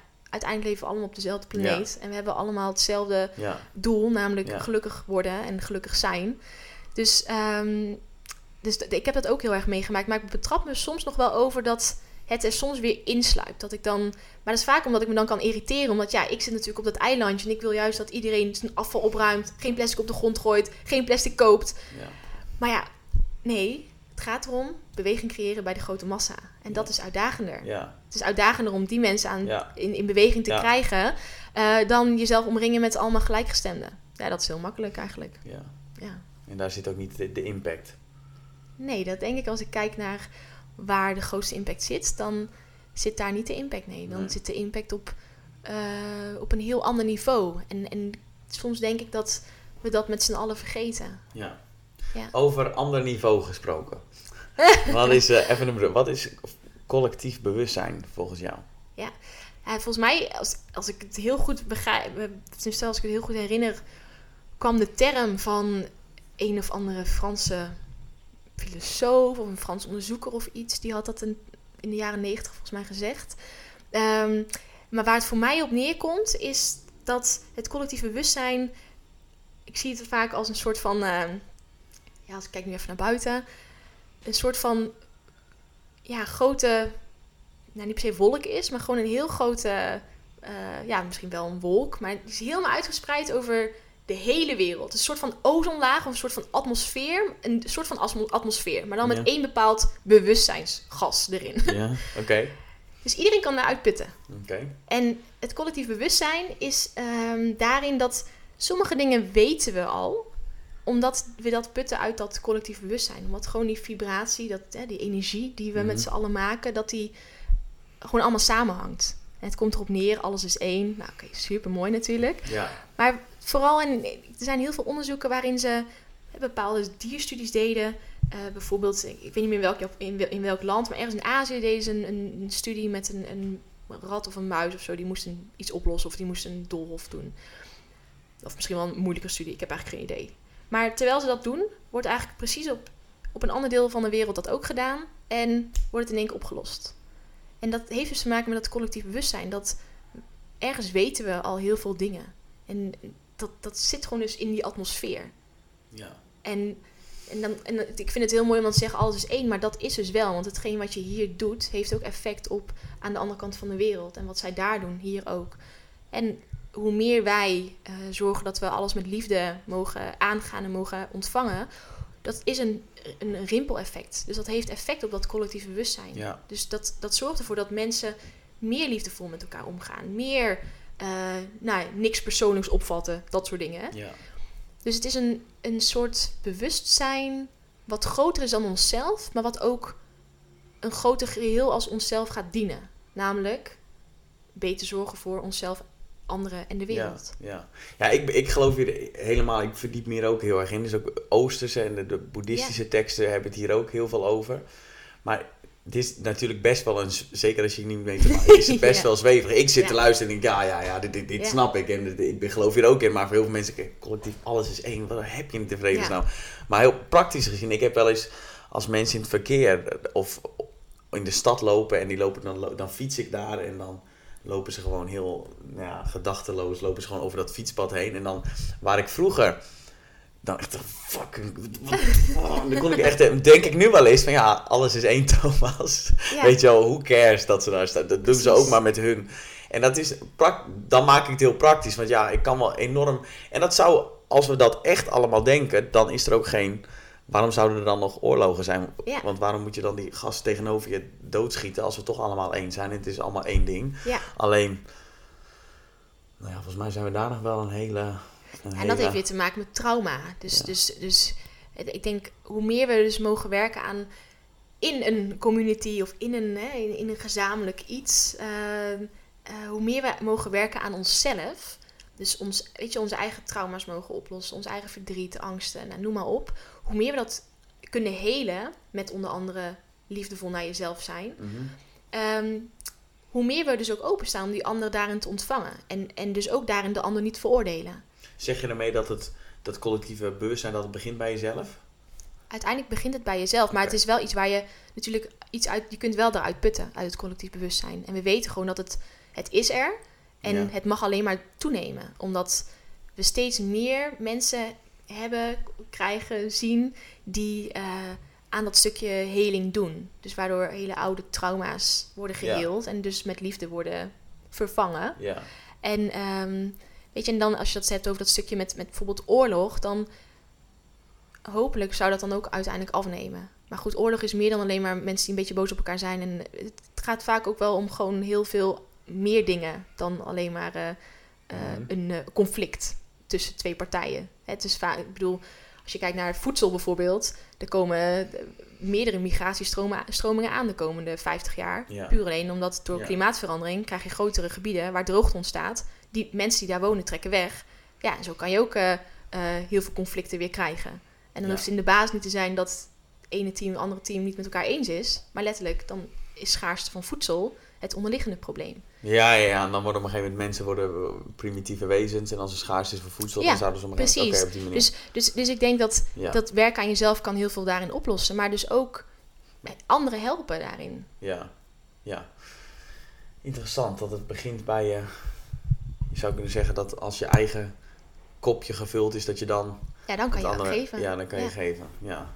Ik moet altijd lachen als ik hierover praat. en ik, een jaartje vijf geleden, als iemand me dit toen had gezegd, dan nou, had ik echt zeg, voor, voor gek verklaard. Van, nou, hier zou ik me echt nooit mee bezig gaan houden. Maar nu klinkt het als iets heel logisch voor me. Ja. ja. En misschien heeft diegene toen bij jou een soort van zaadje geplant. Dat toen mocht ja. groeien. Ja. En uiteindelijk is het zich ontpopt. Ja.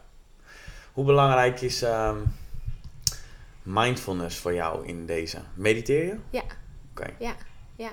Ja, nog niet zo heel lang. Dus uh, ik denk nu zo'n drie jaar mocht een cursus doen uh, bij, mijn bij mijn oude werkgever, op de hand was dat. En uh, mocht ik een cursus mindfulness doen. En ik was daarvoor al best wel uh, met heel veel dingen bezig, maar echt mediteren deed ik niet. Maar ik kon wel heel veel van dat soort boeken lezen en heel veel TED-talks en dat soort dingen. Dus ergens resoneerde wel wat met me, maar het echt nog zelf in de praktijk toepassen, dat vond ik dan nog lastig. Ging ik een achtwekelijkse, of acht weken durende cursus doen, mindfulness. En ik weet nog, de eerste paar keren moesten we een bodyscan doen en ik viel eigenlijk altijd slaap. Ja. Want die vrouw zei ook van ja, het is wat het is, geef je maar over. Nou, is goed, dan slaap ik wel. En op een gegeven moment had ik, en op een gegeven moment had ik er wel last van. Ik denk ja, ik kom eigenlijk cursus mindfulness doen en het enige wat ik doe is val in slaap. Want ze was ook echt hele mooie dingen aan het vertellen, maar ik viel altijd gewoon in slaap. En dan werd ik van het belletje wakker. En op een gegeven moment ging ik naar haar toe. Ik zei ja, ik heb daar toch wel een probleem in, want ik geef me eraan over. Hè, dat, dat mindfulness, dat mediteren, maar ik val altijd in slaap. Toen zei ze, maar heb je dan een intentie van tevoren gezet? En ik denk, nee, eigenlijk niet. Ja, ik dacht, intentie is gewoon, it is what it is. Zei, als je nou probeert met de intentie te werken, dan helpt het dat misschien je om in ieder geval wakker te blijven, maar ook echt gewoon in aandacht, in het nu, nu te blijven, want daar gaat het dan om. Ja. ja, sindsdien heb ik die intentie gezet en ik viel Wat was de intentie? De intentie was in het begin gewoon wakker blijven, erbij blijven. Okay. Dus echt erbij blijven. Ja. En um, dus mindfulness in, in die zin, na nou, acht weken gedaan, onwijs mooie transformatie doorgegaan. Alsof dat echt een soort van de druppel was die mijn emmertje deed eh, laten overstromen. Ja. wat was het grootste effect ervan? Je zei een enorme impact gehad. Wat was, wat was het gevolg van die acht weken? Wat heeft het voor je gedaan? Uh, ik denk heel veel oud verdriet wat naar boven kwam. Heel, ja, je bent er toch langer stil. Dus op een gegeven moment wordt iets in jou gehoord.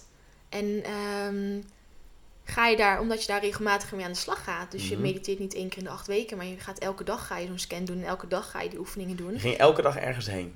Nee, ik ging één keer in de week hadden we training van zoveel uur. En dan, maar dan zaten heel veel huiswerkopdrachten bij. Dus je was elke dag ermee bezig voor oh, acht weken lang. Oké. Dus het, ergens gaf het me een heel erg, um, ja, alsof er echt letterlijk een soort van boek open ging. En ik eindelijk al die teksten, maar vooral ook dus verdrietige dingen mocht zien, mocht lezen. Maar veel er doorheen mocht bladeren. En het daarna weer een soort van, nou ja, dicht mocht doen, in de kast mocht zetten. Maar het was in die zin, een, misschien is dat een heel verkeerd voorbeeld. Maar misschien is dat voor mij wel dat het gaf me heel veel tools om meer nou, in het nu te zijn. Ja. Maar vooral ook uh, minder te oordelen over mezelf. Uh, uh, liefdevoller naar mezelf te zijn. Dus heel veel van dat soort dingen kwamen gewoon bij mij naar boven. En het viel gewoon op zijn plaats. Dus daarmee had het voor mij een hele grote impact. Omdat ik acht weken achter elkaar elke dag nou ja, al die opdrachten deed. En nou, geconfronteerd werd met mijn eigen ik. Ja, en daarna, dat, ja, ik zou nu niet meer weten um, hoe het is om dat niet te hebben. Dat stukje uh, ja, mindfulness, dingen met, met bewust, bewuste aandacht doen. Wat je ook doet. Ja, ja. ja, dat is grappig hè. Dat, dat het, ik heb dat boek van Aubrey Marcus waar we het uh, voor, oh, het, voor het gesprek over. Ja. echt leuk boek. Um, en daar stond ook in dat het bestaat rondom mindfulness en heel zweverig imago. Maar mindfulness is niets anders dan in het nu zijn. En mediteren is een strategie om in het nu te zijn. om mindfulness te oefenen. dat, dat, that's it. that's it. Dus of je nou in een kleermaker zit, op een matje zit, of je bent dat stofzuigen en je doet dat met je volledige aandacht. Dat maakt geen flikker uit. Het is alleen bewust zijn van wat je aan het doen bent. Dus, en zorgen dat je gedachten niet constant de overhand nemen. En, ja, en, ook bijvoorbeeld mediteren. Kijk, ik doe dat regelmatig. En soms heb ik periodes dat ik het minder doe. Omdat ik dan eigenlijk te veel in mijn hoofd zit. Waardoor ik, als ik ga mediteren, dan gaat het niks opleveren. Omdat Zou je het eigenlijk meer moeten doen? Er was een uitspraak gedaan, if you're, if you're, not, busy, if you're not busy, uh, meditate for 20, 20 minutes a day. If you're busy, do 40. Ja, klopt. Dat zeggen ze ook wel eens. Ja. Nee, maar ik bedoel meer dan... Ik, ik haal dan meer voldoening uit het huis schoonmaken. Ah, oké. Dus dan is dat En dan doe je dat ook op een oké mindfulness manier. Oké. Ik heb een uh, shamanic drum. Daar drum ik superveel op. En ik heb... Uh, weet je, echt ontdekt dat dat voor mij ook echt een manier is om echt in het nu... Ja, ligt daar inderdaad. Om echt in het, in het nu te kunnen zijn en echt... Uh, ja voor mij dat heb ik echt ontdekt dat ik dat mediteren, dat vind ik soms wel prima, maar in heel veel fases van mijn leven vind ik, of van het leven van het jaar, vind ik het minder prettig en ga ik liever met die drum aan de slag. En wanneer je bijvoorbeeld heel snel drumt, kun je ook andere uh, golflengtes aanspreken, uh, waardoor je dus ook weer in diepere meditatie komt, maar wel met behulp van die drum en niet zo stil in kleermaker zit, ja. uh, ogen dicht en zitten. Dus daarin kun je dus verschillende manieren van mediteren ook nou, opdoen en dat gebruiken. Ja. Heb je wel eens een uh, langere periode, voor zo'n 10-day, 10-daagse uh, ding, dat je alleen maar stil was of zo? 10 dagen lang? Nee, mijn vader zegt wel dat ik dat moet doen. ja, ik zit daar dus, ik heb um, twee weken geleden een gesprek met, uh, een podcastgesprek met Alexander Den Heijen gehad. Oh, Die heeft dat wel 10 dagen gedaan. Ik zat het ook, maar ik denk dat ik ben ook wel bang voor. Want ik denk dat er nog wel dingetjes zitten die dan naar boven gaan komen. Maar dat lijkt me wel... En dat uh, maakt het vet. Ja, dat is ook wel de uitdaging. maar ik, denk, ik ben er nog niet aan toe, laat ik het zo zeggen. Ik ga het wel een keer doen, maar ik vind, het nog wel, uh, ik vind het nog wel spannend. Want ik, ik hoor je zeggen van ja, dat opende dingen, dat heb ik nog niet zo gehad. Dat het heel veel oh, jeugdtrauma's, trauma's, alhoewel ik ben daar wel bewust van, maar die zijn nog niet helemaal naar boven gekomen. Ik heb gewoon dat ik niet zo'n emotioneel mannetje meer ben, dat ik daarna kan kijken. Dus dat is het grote voordeel van mij. Ja.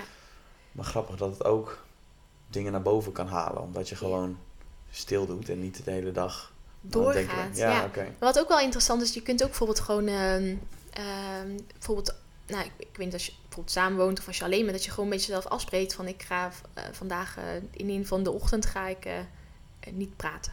Dus je kan ook al kleiner pakken. Um, en Paul en ik doen dat wel eens. En dan zie je ook wel dat het dus je bent eigenlijk zo gewend om in connectie te staan met jezelf, met anderen. Maar dan ben je eigenlijk volledig gericht op jezelf.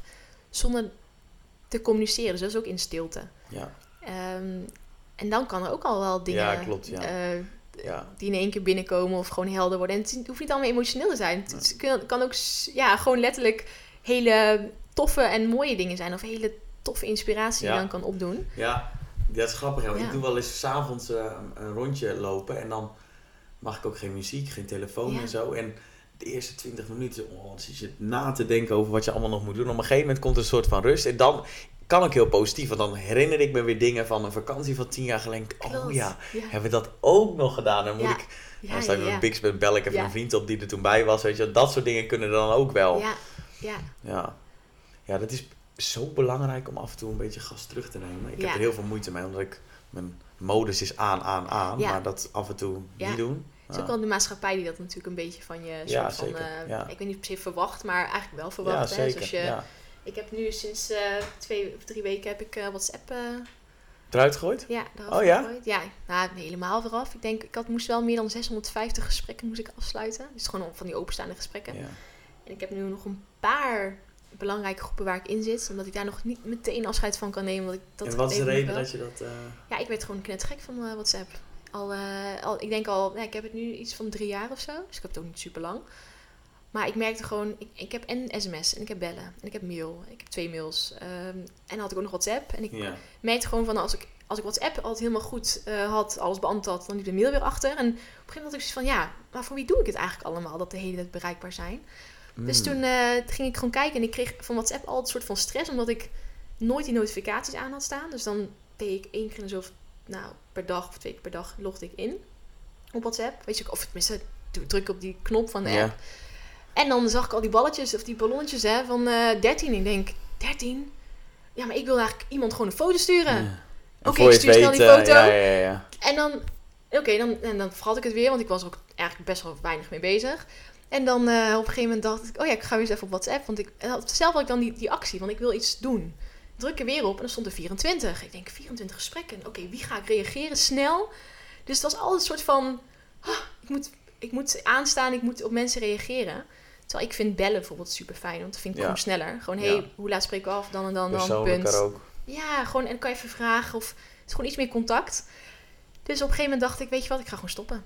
Nou, mensen waren volgens mij niet altijd even amused. Maar uh, aan de andere kant, de mensen die mij kennen, die wisten gewoon dat ik daar altijd een soort van stress van kreeg. Omdat ik gewoon, ja, ik, kan ook gewoon sms'en. Ik, ik sms, ik ben nog steeds een, iemand die gewoon wel eens sms't. Maar, maar dat is ook gewoon short message service. Dus dan doe je niet, hey, enter, hoe is het, enter. Het is gewoon een klein berichtje, ja, ja, rondje af, stuurt het, punt. Nou, daar hou ik van. Ja, precies, de kern erin, ja.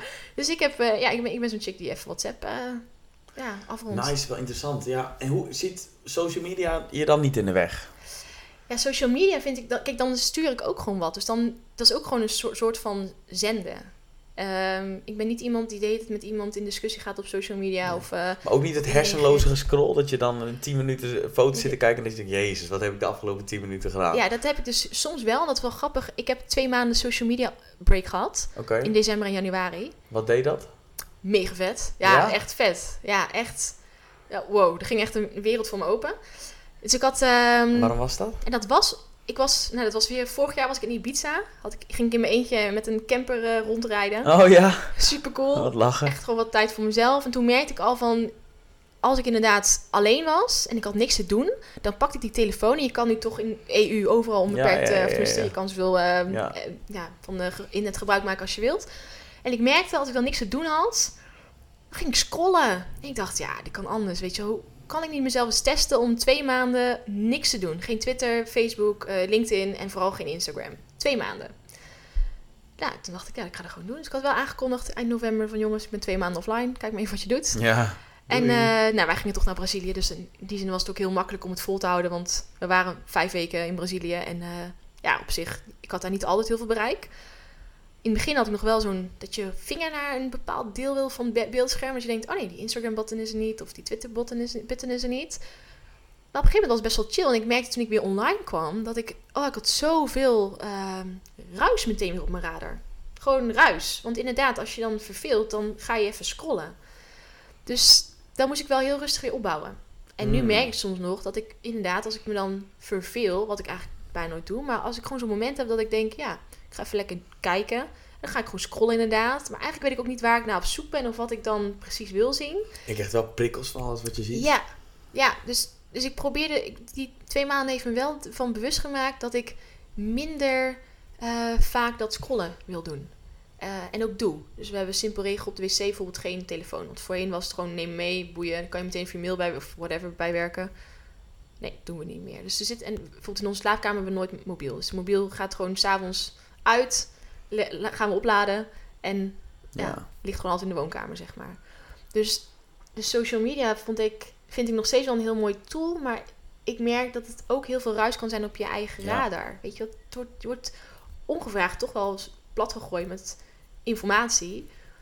Dus ja, maar ik bedoel, ik ben ook wel schuldig aan dat ik gewoon soms maar niet zit ik, ga daar, ik zit er, nu ik je zo praten, ga ik daar ook iets mee doen. Ik ga dat ook een keer, een, een maand of twee maanden ga ik daar... Uh, nou, niet mee stoppen, maar misschien gewoon één keer per dag een 20 minuten ding voor. Of ja. zo. Dat je even na het sporten, dat je dan even kan kijken en de rest ja, gewoon. precies. Ik denk dat het ook heel veel zou doen met je concentratie, eh, Ja. spannen en je productiviteit. Dus ik ga daar.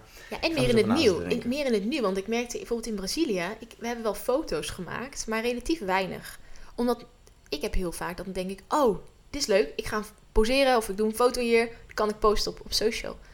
Maar als, dit, als dat wegvalt, dan merk ik dat ik minder foto's maak eigenlijk Ja. en veel meer in het nu zit. Omdat Ja. ik denk, ja, eigenlijk helemaal boeiend. En terwijl ik dit zeg, denk ik, ja, shit, dat klopt. Het is weer een beetje ingeslopen, weet je wel. Ja, ik heb er nog steeds dat ik denk, oh, even, net als die taart net, even foto van maken, delen, weet je wel. Ha, dus ik kom ook nog op terug. Ja, ja, ja. goed. Wat mooi. Ja, ja, Ja. ja. Moeten we iets mee? Gaan we Ja. doen? Nee, willen we iets mee? Ja. Moeten moet je niet. Nee, we willen er iets mee. We willen er iets Ja. mee. Ja. en als je het boek van de correspondent leest, je hebt wel iets te verbergen. Dat is misschien ook wel een mooie. Dat, dat boek kan ik ook wel aanbevelen. Het is van de correspondent. Het heet dus Je hebt wel iets te verbergen. En het gaat om ja, data. Dus wat, ze, wat, wat eh, en zeker met de nieuwe wet die eraan komt, hè, met eh, die persoonsgegevens. Wat doen bedrijven waarvan je apps op je telefoon hebt? Wat doen die met jouw data? Ja. En hoe word je dan eigenlijk in een bepaalde manier beïnvloed op de keuze die je in de toekomst gaat maken? Ja. Hè, wil je per se die bepaalde type schoenen kopen? Had je er zelf al bij bedacht? Of ben je gewoon along the way beïnvloed? Ja. Dat ze nu eindelijk... Is dat een thema voor je? Ja, Ja? ja, ja, ja. Ja, ik heb ook niet zoveel apps op mijn telefoon. Maar boeit het echt gereed. Oh ja, nee wel. Ja, ik, ik denk dat boek heeft me heel bewust gemaakt. En je hebt ook... Want een- waarom bo- boeit je? Omdat je de, de soort eh, onafhankelijkheid wil? Of je wil niet dat mensen... Nou, ik vind vooral die voorspellende waarde. En Er zit een stukje natuurlijk eh, ehm, artificial intelligence achter. Mhm. Wat steeds meer opkomt. En waar. Dus ik denk dat het een stukje daar te maken mee heeft van. En ik weet nog dat een, een jongen die ik ken, die zei dat ooit tegen mij. Zei van. ehm, als je niet betaalt voor het product, dan ben je het product. Dus ergens zit. Bij mij vind ik het heel interessant, omdat er zijn nog helemaal geen echte richtlijnen of wetten daarvoor. Dus bedrijven kunnen alles met jouw gegevens doen die je wilt. En Mhm. eh, je verstrekt best wel veel ge- gegevens. Zeker als Ja. je even op een site wil inloggen en je klikt op die Facebook-button. Dan krijgen ze wel de informatie die op jouw Facebook staat. Ja. Ehm, en ik denk omdat dat nog zo nieuw is, vind ik het al belangrijk om daar al heel zorgvuldig mee om te gaan. Dus ik heb heel weinig apps op mijn telefoon. Ik wil gewoon niet dat, dat die... Ja, die, ze doen alsof je al die apps nodig hebt, maar de meeste apps heb je helemaal niet nodig. Het is gewoon per, ter vermaak, zodat je nog langer op je telefoon zit. Nog meer in die houding zit met een Ja. gebogen nek. Ja, ja, ja. ja. Eh, ik weet Ja, niet, maar een iedereen hele- daar ja, schouderklachten. ja, ja, ja, ja. Dus, dus ergens, en ik, ik denk dat boek was voor mij, volgens mij vorig jaar of twee jaar geleden, was voor mij echt dat ik dacht, dit moet anders. Je hebt niks te verbergen. Je hebt wel iets te verbergen. Oh, je, hebt, je hebt wel iets te verbergen. Oké, je hebt wel iets te verbergen. Oké, dat. Ja. Oké. En, en als je dat leest, dan denk je van, oké, wow. Dat, tenminste, ik had dat. Ik had heel erg dat ik dacht van, oké, dit wil ik even iets anders aanpakken. En ik ben niet, ik bedoel, ik heb niet zo'n speciale webbrowser die, eh, waar je helemaal geheim op kan surfen en zo. eh, Nee, dat heb oké. ik niet. Maar probeer wel heel duidelijk. Ik, ik ben ook zo'n nerd. Ik lees bij heel veel de privacy, de, de cookie, eh, de, de Oh privacyverklaring. Ja, die lees ik door. En dan zul je zien dat bij de nieuwe, want Facebook en Instagram die hebben allemaal dingetjes staan. En dan moet ze in Jip en Janneke taal wel eh, beschrijven, hè, die nieuwe privacywet die er natuurlijk aankomt. En dan is het heel moeilijk om te zeggen, nee, ik ga niet akkoord. Want ja, je zit wel, ik ben eigenlijk hoekt aan die hele app. Maar daarmee staan, staat wel in, in van, we, we kunnen je informatie doorverkopen als wij denken dat het jouw service of jouw eh, ervaring verbetert. Hmm. Ja. Ja, ja, ja, ja. En, en zeker ook als je weet wat AI allemaal, weet je hoe ze dat algoritme en, en- en niet eens het Instagram-algoritme van hey, word ik nog gezien op Instagram, maar ook het andere algoritme, hoe je dus ehm, eh, als persoon juist dingen ge- te zien krijgt die het best bij jouw doelgroep passen, ja, dan heb je gewoon geen eh, transparantie meer. Ja. Dus eh, er worden superveel onderzoek nu naar gedaan naar hoe Trump aan de macht is gekomen. Omdat ze echt denken dat de mensen die al Trump aanhangen waren... ook waarschijnlijk dat soort Google-uitslagen hebben gezien. Omdat Google ook gewoon daar een algoritme op Maar het heeft. is wel 100% dat dat gebeurd Ja. is. Daar is geen twijfel know. over mogelijk. Nee, maar ze doen wel Nee. dus een onderzoek. En dat gaat steeds meer voorkomen. Ja. Weet je wel, ik zal, ik zal waarschijnlijk heel weinig informatie zien over bepaalde politieke partijen... omdat ik totaal haak sta op, op die partijen. Ja. Dus dan word ik ook gevoed in dat wat ik wil dan, geloven. Dan, dan, vind ik het, dan vind ik het ook problematisch worden. dat op het moment dat je... Dus de informatie die je ziet gebaseerd is op... De waardoor je eigenlijk geen goed geïnformeerde Nee. keuze meer kan maken. Want je krijgt alleen maar te zien Ja. wat, wat mensen denken dat... En dat is maar ook dan wordt schoen het... bijvoorbeeld, hè? Want je hebt nu bijvoorbeeld ook, ja, ik ben echt een mega... Mensen weten volgens mij niet dat ik... ik maar ik, ik vind het zo interessant, omdat Ehm, met je telefoon, weet je wel, je, je, de internetverbinding die je bijvoorbeeld op Schiphol aanmaakt, omdat je even tijdelijk daar bent en je wil even op internet surfen of whatever. Er wordt allemaal gewoon naar een bepaalde datapoort daar gestuurd, waarbij ze jou, dus niet per se jou als persoon, maar wel mhm. jouw doelgroep waar je toe behoort, mhm. kunnen zien wat, wat, hoe je beweegt. Dus wat voor, ja, wat, wat, wat jou kenmerkt in, in je gedrag. En daarmee kunnen ze dus uiteindelijk voorspellende waarden doen omdat ze weten dat ja, dit soort mensen doen op een gegeven moment dit. Dus dan kunnen ze al bepaalde aanbiedingen plaatsen of net wat. Omdat ze weten. En het ergste vind ik dan dat ze soms zo kunnen voorspellen dat, uh, dat je zelf niet eens bewust bent dat je dat gedrag zal ja, gaan zo, vertonen. Ja, daar gaat het naartoe. Dat zij het eerder kunnen voorspellen dan jij. Ja, en dat zijn gewoon voorspellende waarden. Dat is super logisch in de hele... Ja, dat, dat kan gewoon. Maar dat vind ik dan wel die stukje, ja, een stukje van waar houdt het dan voor jezelf op en waar, wat is beïnvloed? Ja, ik zei net, het boeit me reet. Als het gaat om producten die ik voor mijn neus te zien krijg en dat mijn gegevens, dat daar.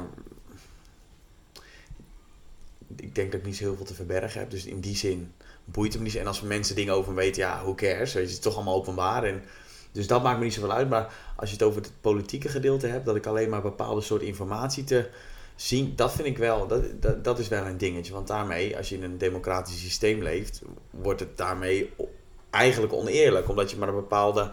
Dus dan. Dat vind ik een, uh, dat vind ik een dingetje. Maar voor de rest, uh, marketingtechnisch, ja, als mensen me producten voor mijn neus zetten die ik graag wil, ja. Maar hoe graag wil je die? Of denk je dat je die wil, omdat je zo erg bent gefanneld dat je denkt dat je die wilt? Dus dat is een. Maar daar, ja, ook eens. Dus je krijgt alleen maar echt perfecte producten te zien. Dat zou uiteindelijk een gevolg zijn. Dat je alleen de producten die je heel erg nodig hebt op dat moment. Maar dan ben ik er altijd nog zelf bij om het te kopen, ja of nee. Ja, tenzij je dus de andere opties niet te zien krijgt. Dus dan weet je niet of je nu wordt afgezet tegen die prijs. Of dat er ook nog andere opties waren. Ja, en daar ligt toch ook wel een verantwoordelijkheid voor mij. Want ik kan dat toch zelf bekijken. Ja, ja, Zeker als ik weet oh, hoe dat al, als ik iets zie, denk ik, ja, logisch. Ik heb net op die site, ik heb dat nu al. Dan ben ik op die site geweest en zie ik op Instagram en denk een advertentie. Ja, van, ik, ik, was bij, ik weet wat je gedaan hebt. Ja. We hadden, we, hadden, van die bloembakken gekocht bij het tuincentrum. En van een merk Elho of zo heet het, ik weet niet. En ik herken het merk, want het stond gewoon een heel leuk lettertype. En die stickers zitten nog op onze bloembakken. Ik zit op het balkon en in één keer krijg ik gewoon letterlijk daar reclame van. Ik denk, hè? Ik kijk zo schuin over mijn telefoon en denk wow, ja. what the hell. Ja, ja. dat klopt. Ja, dus dat, dan, is het, dan, dan, dan maakt me niet zoveel uit, denk ik. Maar oké, dus het boek, je hebt wel wat te verbergen. Ja, je hebt wel Kijk, ik zal hem de show notes zetten. Mooi bruggetje weer. wat is het um, boek wat je het meest hebt aangeraden aan anderen?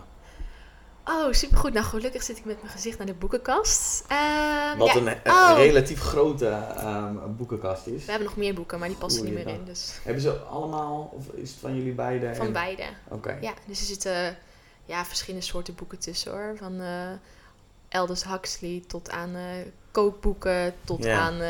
Hoe belangrijk is lezen voor jou geweest in jouw mega. ontwikkeling? Ook naar je zelfbewustzijn? En, ja, ja hè? mega, ja. Ja, mega. Um, ja, waarbij ik het, ik weet, vroeger vond ik altijd wel lastig om boeken uit te lezen. Dat heb ik nog steeds wel een beetje. Dus heel veel boeken, ja, ik weet niet hoe dat kan, maar die lees ik dan net niet uit. Er zit nog één of twee pagina's achter. Ik weet niet waarom. Dus heel veel boeken heb ik gelezen die hier staan. Of ja, de meeste. Maar uh, ja, daar heb ik iets mee. Maar het boek wat ik het meest heb aangeraden is, denk ik, als ik kijk naar de afgelopen nou, tien jaar, is denk ik wel um, het boek van uh, Paulo Coelho, um, De, Alchemist. Ja, ja. ja, dat is echt een uh, super klein boekje.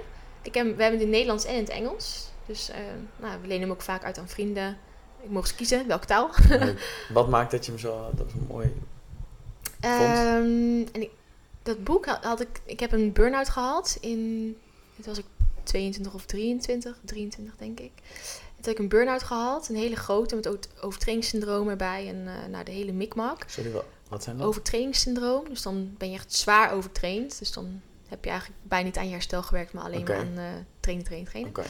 En um, dat boek heb ik toen, ja, ik denk meerdere keren gelezen in een jaar tijd. En elke mm keer kon ik het weer op een andere manier, een diepere manier interpreteren. En ik vind gewoon, het verhaal vind ik gewoon heel mooi, maar dat verhaal geeft je heel veel verschillende lessen over het leven. En die je op verschillende fasen in je leven ook eens op een andere manier kan zien. En het is gewoon een heel toegankelijk boek. Het is gewoon een heel makkelijk te volgen verhaal. Maar die verhalen die erin zitten, die, ja, die, zeker als je in een burn-out zit, dan Ja, die doen wel wat met je. Want die laten je even stilstaan en even daarover reflecteren. En vooral ook geef je hoop om weer, weet je wel, door te gaan. Dus dat boek, ja, gewoon een heel fijn boek. En ehm, wat voor boek ik nog meer heb, en dat is misschien meer voor mijn collega's die met recepten bezig zijn. Ehm, je hebt een boek dat heet De Smaakbijbel. Die adviseer ik ook heel vaak. Oké. Ja, de Alchemist en de Smaakbijbel. Ja. Heel kort, um, je mag ook zeggen als je daar verder niet over wil praten. Wat is de nummer één les die je geleerd hebt van je burn-out? Ik heb namelijk van de zomer zelf ook uh, oh, ja. een tijdje offline geweest. Ik ben heel nieuwsgierig. Ik heb er een mooi gesprek over gehad met Remco Kroes. Die ken je geloof ik ook. Ja, zeker. Ja. Um, heel knap hoe hij daar zo open over kan praten. Maar wat is de nummer één les die je geleerd hebt? Ja, voor mij voelt het al super lang geleden. Het is ook alweer, ja, het is best wel een tijdje weer terug. Maar ik denk de nummer één les die ik uh, uit die burn-out heb gehaald is ja, naar je lichaam luisteren. Dat is echt en ik bedoel, er komen heel veel, natuurlijk heel veel andere lessen die daarop volgen. Maar als ik terugging naar. Uh, ik, ik weet ook gewoon hoe mijn burn-out is ontstaan. Omdat ik gewoon niet meer naar mijn lichaam luisterde. En mijn lichaam gaf allerlei dingetjes aan. Ik raakte geblesseerd. Ik had allemaal van die kleine, ja, onnodige kwaaltjes waar ik maar niet van afkwam. En dat kwam gewoon omdat mijn lichaam op was. Omdat ik zoveel trainde. En, um, en nooit rust wilde nemen. Want ik dacht, ja, hoe meer rust beter. train gewoon door. Uh, en daarnaast dus heel veel um, ja, heel veel van jezelf verwachten. Afstuderen, de, bedrijf opzetten. Nou, duizend dingen natuurlijk tegelijk doen. En wat ik echt heb geleerd, en ik leer dat steeds weer, want ik heb, ik heb in de afgelopen jaren wel eens tegen het randje weer aangezeten. Dat ik voel, oké, ik moet nu even tien stappen terug doen. Nu, want ik voel dat er weer iets aan gaat komen. Maar het is altijd mijn lichaam die als eerste aangaf, eh, je gaat iets te ver. Dus ja, ik kan dat heel veel, heel veel terugleiden. Dat mijn lichaam gaf altijd aan wanneer er iets niet pluis was. Doordat er iets ontstond. Of dat er, nou, ik ben de afgelopen maanden teruggeroepen door mijn eigen gezondheid. Dat had ook daarmee te maken. Dus, dus ja, luister naar je lichaam. Want je hmm. lichaam geeft het echt aan. Ja. En het kan zijn dat je met een verhoogde hartslag wakker wordt bijvoorbeeld. Hè, dat dat al een paar dagen achter elkaar is. Dus je denkt, oh, dat voelt eigenlijk helemaal niet chill. Tot aan ehm, eh, gekke hoofdpijntjes. Of juist uh, darmen die in één keer opspelen. Dat je niet meer tegen bepaalde producten kan. It's your, your body telling you something. Ja, en bij jou, wat was jouw les dan? Mijn grootste les was, het maakt allemaal niet zo heel veel uit. Goeie.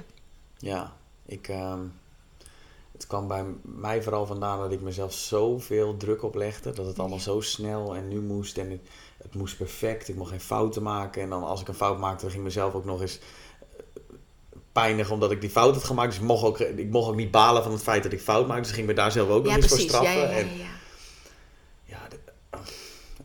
maakt gewoon letterlijk allemaal niet uit. Dus ik heb heel vaak, als ik, ik heb nu nog wel eens dat ik gestrest ben of dat ik een probleem heb of dat ik ergens mee zit, dan denk ik, oké, hoe belangrijk is dit als je 90 bent? Wat, en als, dit nou is, als je het nou eens niet doet, of het gaat helemaal de mist in, wat gebeurt er dan? Wat is het ergste wat er kan gebeuren? En dan moet ik altijd heel hard glimlachen en dan... Ja, kun je meteen relativeren, hè? Ja. Dus dan... Maar dit, ik, ben, ja, ik, ik, hoor dat vaker van mensen, dat ik vraag me af of het een kwaaltje is van deze generatie, maar ik ben wel heel dankbaar dat ik dat heb oh, mogen meemaken. want ik, ik, kan er nu echt, uh, ik plukte de vruchten van, zeg maar. Ja. ja. ik heb natuurlijk wel wat mensen in mijn omgeving die een uh, burn-out hebben gehad. En als ik bij mezelf inderdaad kijk, dan achteraf gezien was het echt een blessing in disguise, zo noem ik het ook. Ja. En uh, vaak als ik mensen hoor die, die een stap terug noemen, dan is het vaak wel iets wat ik, hè, een soort van hart onder de riem van, oké, het is nu heel erg uitzichtloos en het is nu heel donker, maar weet dat er is licht aan het eind van de tunnel. En wanneer je daar bent en je kijkt terug, dan zul je denken... Kon je het toen ook al zien als iets... Nee. Nou, dat... Ik, Aubrey, nee, echt niet. Nee, Aubrey Marcus, die, uh, die nou, de, de, gast waar we het net over hadden, een eigenaar van Online, ik zal het in de show notes zetten, maar die zei dus ook dat achteraf gezien kijken we altijd terug op een bepaalde situatie met dankbaarheid. En dan zijn we er dankbaar. En de, nou, dat maakt ons tot de persoon die we nu zijn. Hij zei, als dat altijd zo is, als je die realisatie hebt, dat achteraf je er altijd dankbaar voor bent. Waarom zou je er dan niet op het moment zelf dankbaar voor kunnen zijn? Als je toch weet dat je er aan de, aan de, achterkant dankbaar voor bent. Toen dacht ik, ja, dat is wel... het is alleen als er heel veel emoties bij zit, is het heel moeilijk om dat te doen. Maar ik dacht, dat is wel een mooie realisatie. Dat als je ergens in de, in de shit zit of je bent echt... Nou, het is kloten. Dat je dan op dat moment al kan beseffen van, oké dit heb ik nodig, want uiteindelijk ben ik er dankbaar voor. Dus laat ik er nu maar dankbaar voor zijn. Maar ik doe dat, ik doe dat, ik merk dat ik dat, dat dus al een aantal jaar best wel doe. Dus als ik echt, uh, nou, bijvoorbeeld heel gestrest ben, of net als afgelopen half jaar wat, wat zwaardere periode. Hoe kut die momenten ook zijn die ik dan heb, ik probeer in het moment inderdaad te beseffen, ja, maar wacht, hier ga ik uiteindelijk van groeien. Yeah. maar wacht, hoe kan ik hier nou weerbaar, weerbaar in zijn? Hoe kan ik veerkrachtig zijn? Weet je wel, en dus ik, dat is wel iets wat ik probeer. En ik denk dat die burn-out, omdat die zo groot en hevig, omdat er gewoon zoveel factoren onderlagen, mm dat hij me dat uh, wel heeft doen realiseren van je hebt die struggles nodig om te kunnen groeien. Weet je, en, en het is maar fijn eigenlijk dat je die struggles krijgt, want daarmee ben je ook een veel um, ruimdenkender mens. Ja, ja, ja. Weet je, je, je kan je insteken. Nou, uh, mensen met wie ik werk, als ik proef dat er iets niet helemaal klopt, of dat er misschien inderdaad een, een soort van stress of iets, ik kan het gewoon vragen. Ja. ik vind het ook niet erg om te vragen, omdat ik het ergens wel herken. Ja. En door dat te vragen, nou, kan je het gesprek aangaan. Geeft ook misschien wat uh, opluchting bij de ander. En kan je iemand ook helpen. Hoe herken je dat? Eh, is iemand afwezig of zo? Ja. Of? ja. Vaak afwezig. Uh, ik zie soms ook wel eens mensen waarvan ik denk... Uh, ja, daar gaat het gewoon niet goed mee. Dat, dat zie je, ja, inderdaad. Misschien een soort van afwezigheid of een soort van glazen blik in de ogen. Niet helemaal erbij zijn. En natuurlijk dat kan een keer gebeuren als je een zwaar weekend hebt gehad. I get it. Maar dit is dan een soort structureel probleem. Waarvan je dan denkt, hier is niet helemaal iets. En dan, ik vraag het gewoon, wat ik dan zie. Ja. En het kan gewoon beleefd. Je hoeft niet je fatsoen te verliezen. je kan ook gewoon beleefd vragen. En, eh, ja, gewoon zeggen wat je ziet en niet gelijk een label Of ik merk dit, heb ik het goed? En ja, dat is juist mooi, want dan krijg je die gesprekken. En dan kan je ook wat meer de diepte ingaan en die verbindingen weer maken en dat is gewoon, vind ik heel mooi. En ik denk wel dat dat wel te maken heeft, omdat ik het dus al eerder zelf heb ervaren. Dus dan vind je het, moeilijk, niet, vind je het minder moeilijk om daar naartoe te vragen. Want je weet hoe iemand zich ongeveer voelt. Ja. Er zijn allemaal wel kenmerken die mensen met burn-out hebben. Ja. Ook is elke burn-out anders. Maar dus ja, het is wel een cadeautje uiteindelijk. Ja, zo zie ik dat nu ook. Maar toen... Uh, nee, toen is het dus heel moeilijk. Ja. Apart hè? Ja apart dat het zo, uh, dat je zo, dat alles hier tussen die twee oortjes zit. Uh, en dat je zelf helemaal gek kan draaien als je het niet oppast. Ja. Je kan jezelf helemaal. Klopt. Ja, ik zoals toen, uh, toen ik hem had, volgens mij een paar maanden daarna of zo, of toen zat ik nog in mijn herstel. En toen had ik wel van iemand gehoord, ik weet niet of nou mijn eigen psycholoog was of nou ja, iemand waar ik van een documentaire heb gekeken of zo, maar die zei van um, dat hij toen verwachtte dat dat, dit is al een paar jaar geleden dat ik die burn-out heb gehad, of wel best wel lang geleden. Dat hij toen zei van, ja, maar tussen nu en tussen vijf en tien jaar heeft bij het grootste gedeelte van onze generatie te maken gehad met deze klachten. Dus dat het ook echt een beetje in het systeem zit hoe wij zijn opgegroeid en uh, wat we van onszelf verwachten, uh, hoeveel dingen we op een dag doen, hè, ook dat multitasken en alles, dat dat eigenlijk gewoon te gek is voor woorden dat we dat doen. Ja. En dat komt ook, daar heb ik het, had ik het vorige podcastgesprek ook over onze basisbehoeften zijn ook geregeld. Hè? Onze, voor, onze grootouders die moesten vechten voor hun vrijheid. Die vechten tegen Hitler. Tegen die, niet, ja, precies. Wij, wij hebben onderdak, eten, we hebben, ze kunnen opleidingen volgen, we hebben alles. Dus dan gaan we ons over zingeving en over oh, impact en al dat soort termen gaan we ons druk maken. Wat ook gepaard gaat met dat soort mentale struggelingen van wie ben je nou, wat wil je nou in de wie wil je zijn. Dus dit is logisch ook, alleen ja, um, ik had het nou, ik had het achteraf gezien liever wel gehad, maar op het moment zelf was het niet uh, top. Nee, dat snap ik. Wat is je ehm, favoriete quote? Ah ja, nee, oké, super leem. Ik, nee, het is niet leem, maar ik denk de meeste mensen die mij al duizend keer hebben gehoord, die, die weten dat dit mijn favoriete quote is. Daarom is het ook mijn favoriete quote. Ja. Iedereen hoort het. Juist, dus ik zal hem ook nog een keer zeggen. Wat een indicatie is dat je hem leuk vindt, want dan wil je maar iedereen vertellen. Nee, het is echt een... Uh, ja, ja, ik vind het zo... Oké, sorry mensen als jullie deze al duizend keer hebben gehoord, maar goed, misschien uh, gaat het belletje toch wel een keer rinkelen. Dus dat, dat hoop ik uiteindelijk. Het is, een het is een quote uit het boek van David Suzuki. David Suzuki uh, uh, heeft een boek geschreven, The Sacred Balance, waarin hij omschrijft van de, de, balans die er nodig is op aarde om goed te kunnen blijven leven. En ergens, dus ja, stond gewoon in die tekst: We can't be healthy without a healthy planet. Dus dat betekent dat wij mensen, eigenlijk het leven wat hier is, maar vooral mhm. ook wij mensen, want ja, mm daar gaat het boek eigenlijk mhm. over dat die de balans aan het uh, verstoren zijn. Mm Waar het vooral om gaat is dat uh, wij mensen, weet je, we kunnen die gezondheid nastreven met goede voeding, beweging, allemaal leuke dingen. Maar als de grond waar we onze voeding uit putten, waar we op ons bewegen, waar de zuurstof die we inademen, als weet je, die planeet niet gezond is, dan kunnen wij uiteindelijk ook niet uh, maximaal excelleren in 100, 150 jaar oud worden en gezond zijn en vitaal. Dus ja, voor mij is dat gewoon de quote. Het is gewoon mijn, mijn, ja, mijn levensmotto. Het heeft ervoor gezorgd dat ik dat hele stukje duurzaamheid in ben geslagen omdat dit is echt een quote. Een tattoo op je hand, uh, arm hebt waarschijnlijk met een boom. Dat zal er ook van. Ja. Maar echt dat, dat, ja, dat, toen ik dat las, het was gewoon echt een zinnetje, gewoon in een tekst. En dat ik echt dacht, wow, we cannot be healthy without a healthy planet. Oh my god. We moeten dus niet alleen aan onze eigen gezondheid denken, maar ook aan de gezondheid van de aarde. En ja, nou, dat doe ik dus. Ja. Dus, dat is mijn nou, ik vind, Ja, nou, ik vind hem mooi. Ja, en ik ben het er volledig mee eens. Ja. ja. Um, waar haal jij je motivatie vandaan? Nou, uit deze quote zit, daar zit een deel van de motivatie. Ja, ik haal uh, motivatie... Uh, ja, verschillende, verschillende richtingen. Ik denk dat uh, Paul is echt een van mijn grootste motivaties. is gewoon een spiegel die hij me voorhoudt. hij is zo'n super gedreven man. Die, weet je, hij heeft echt een visie. Dus ik, ik ben ook gewoon met de visionair samen. En nou, soms vind ik dat heel lastig, omdat ik dat niet zie. Ik zie dat, dat, dat eindpunt zie ik nog lang en aan niet. Maar ergens, oh, dat geeft zoveel kracht. Om, nou, nou dat, dat geeft me super veel inspiratie en, en, inzicht. En, um, maar ook afleveringen als Tegenlicht. Daar krijg ik zoveel inspiratie en motivatie van. Dat ik denk. En, en welke aflevering?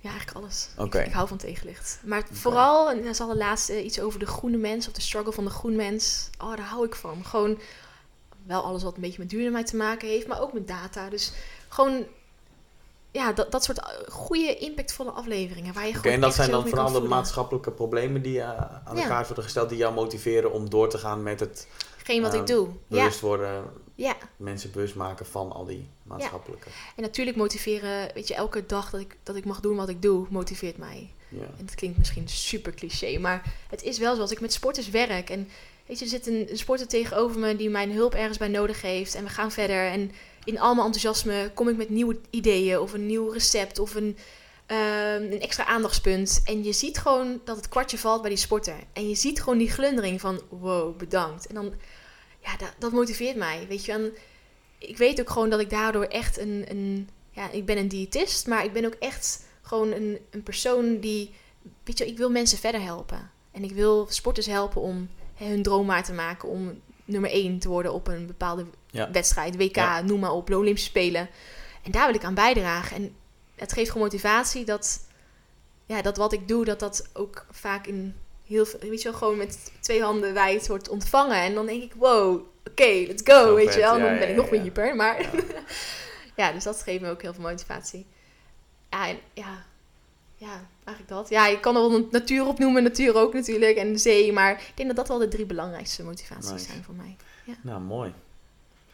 Um, waar kunnen mensen je online vinden, voordat ik mijn allerlaatste vraag stel? Uh, online ben ik te vinden. Uh, op Instagram. Ja. Onder gewoon mijn naam. Uh, Twitter.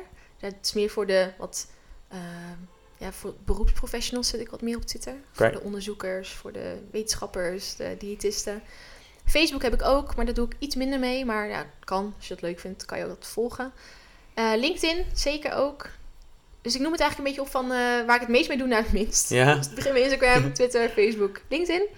Uh, natuurlijk mijn website, die is uh, vorige week live gegaan, saraypannenkoek.com. Ik ben er echt onwijs trots op. Echt ja, heel fijn samengewerkt met collega Lisbeth.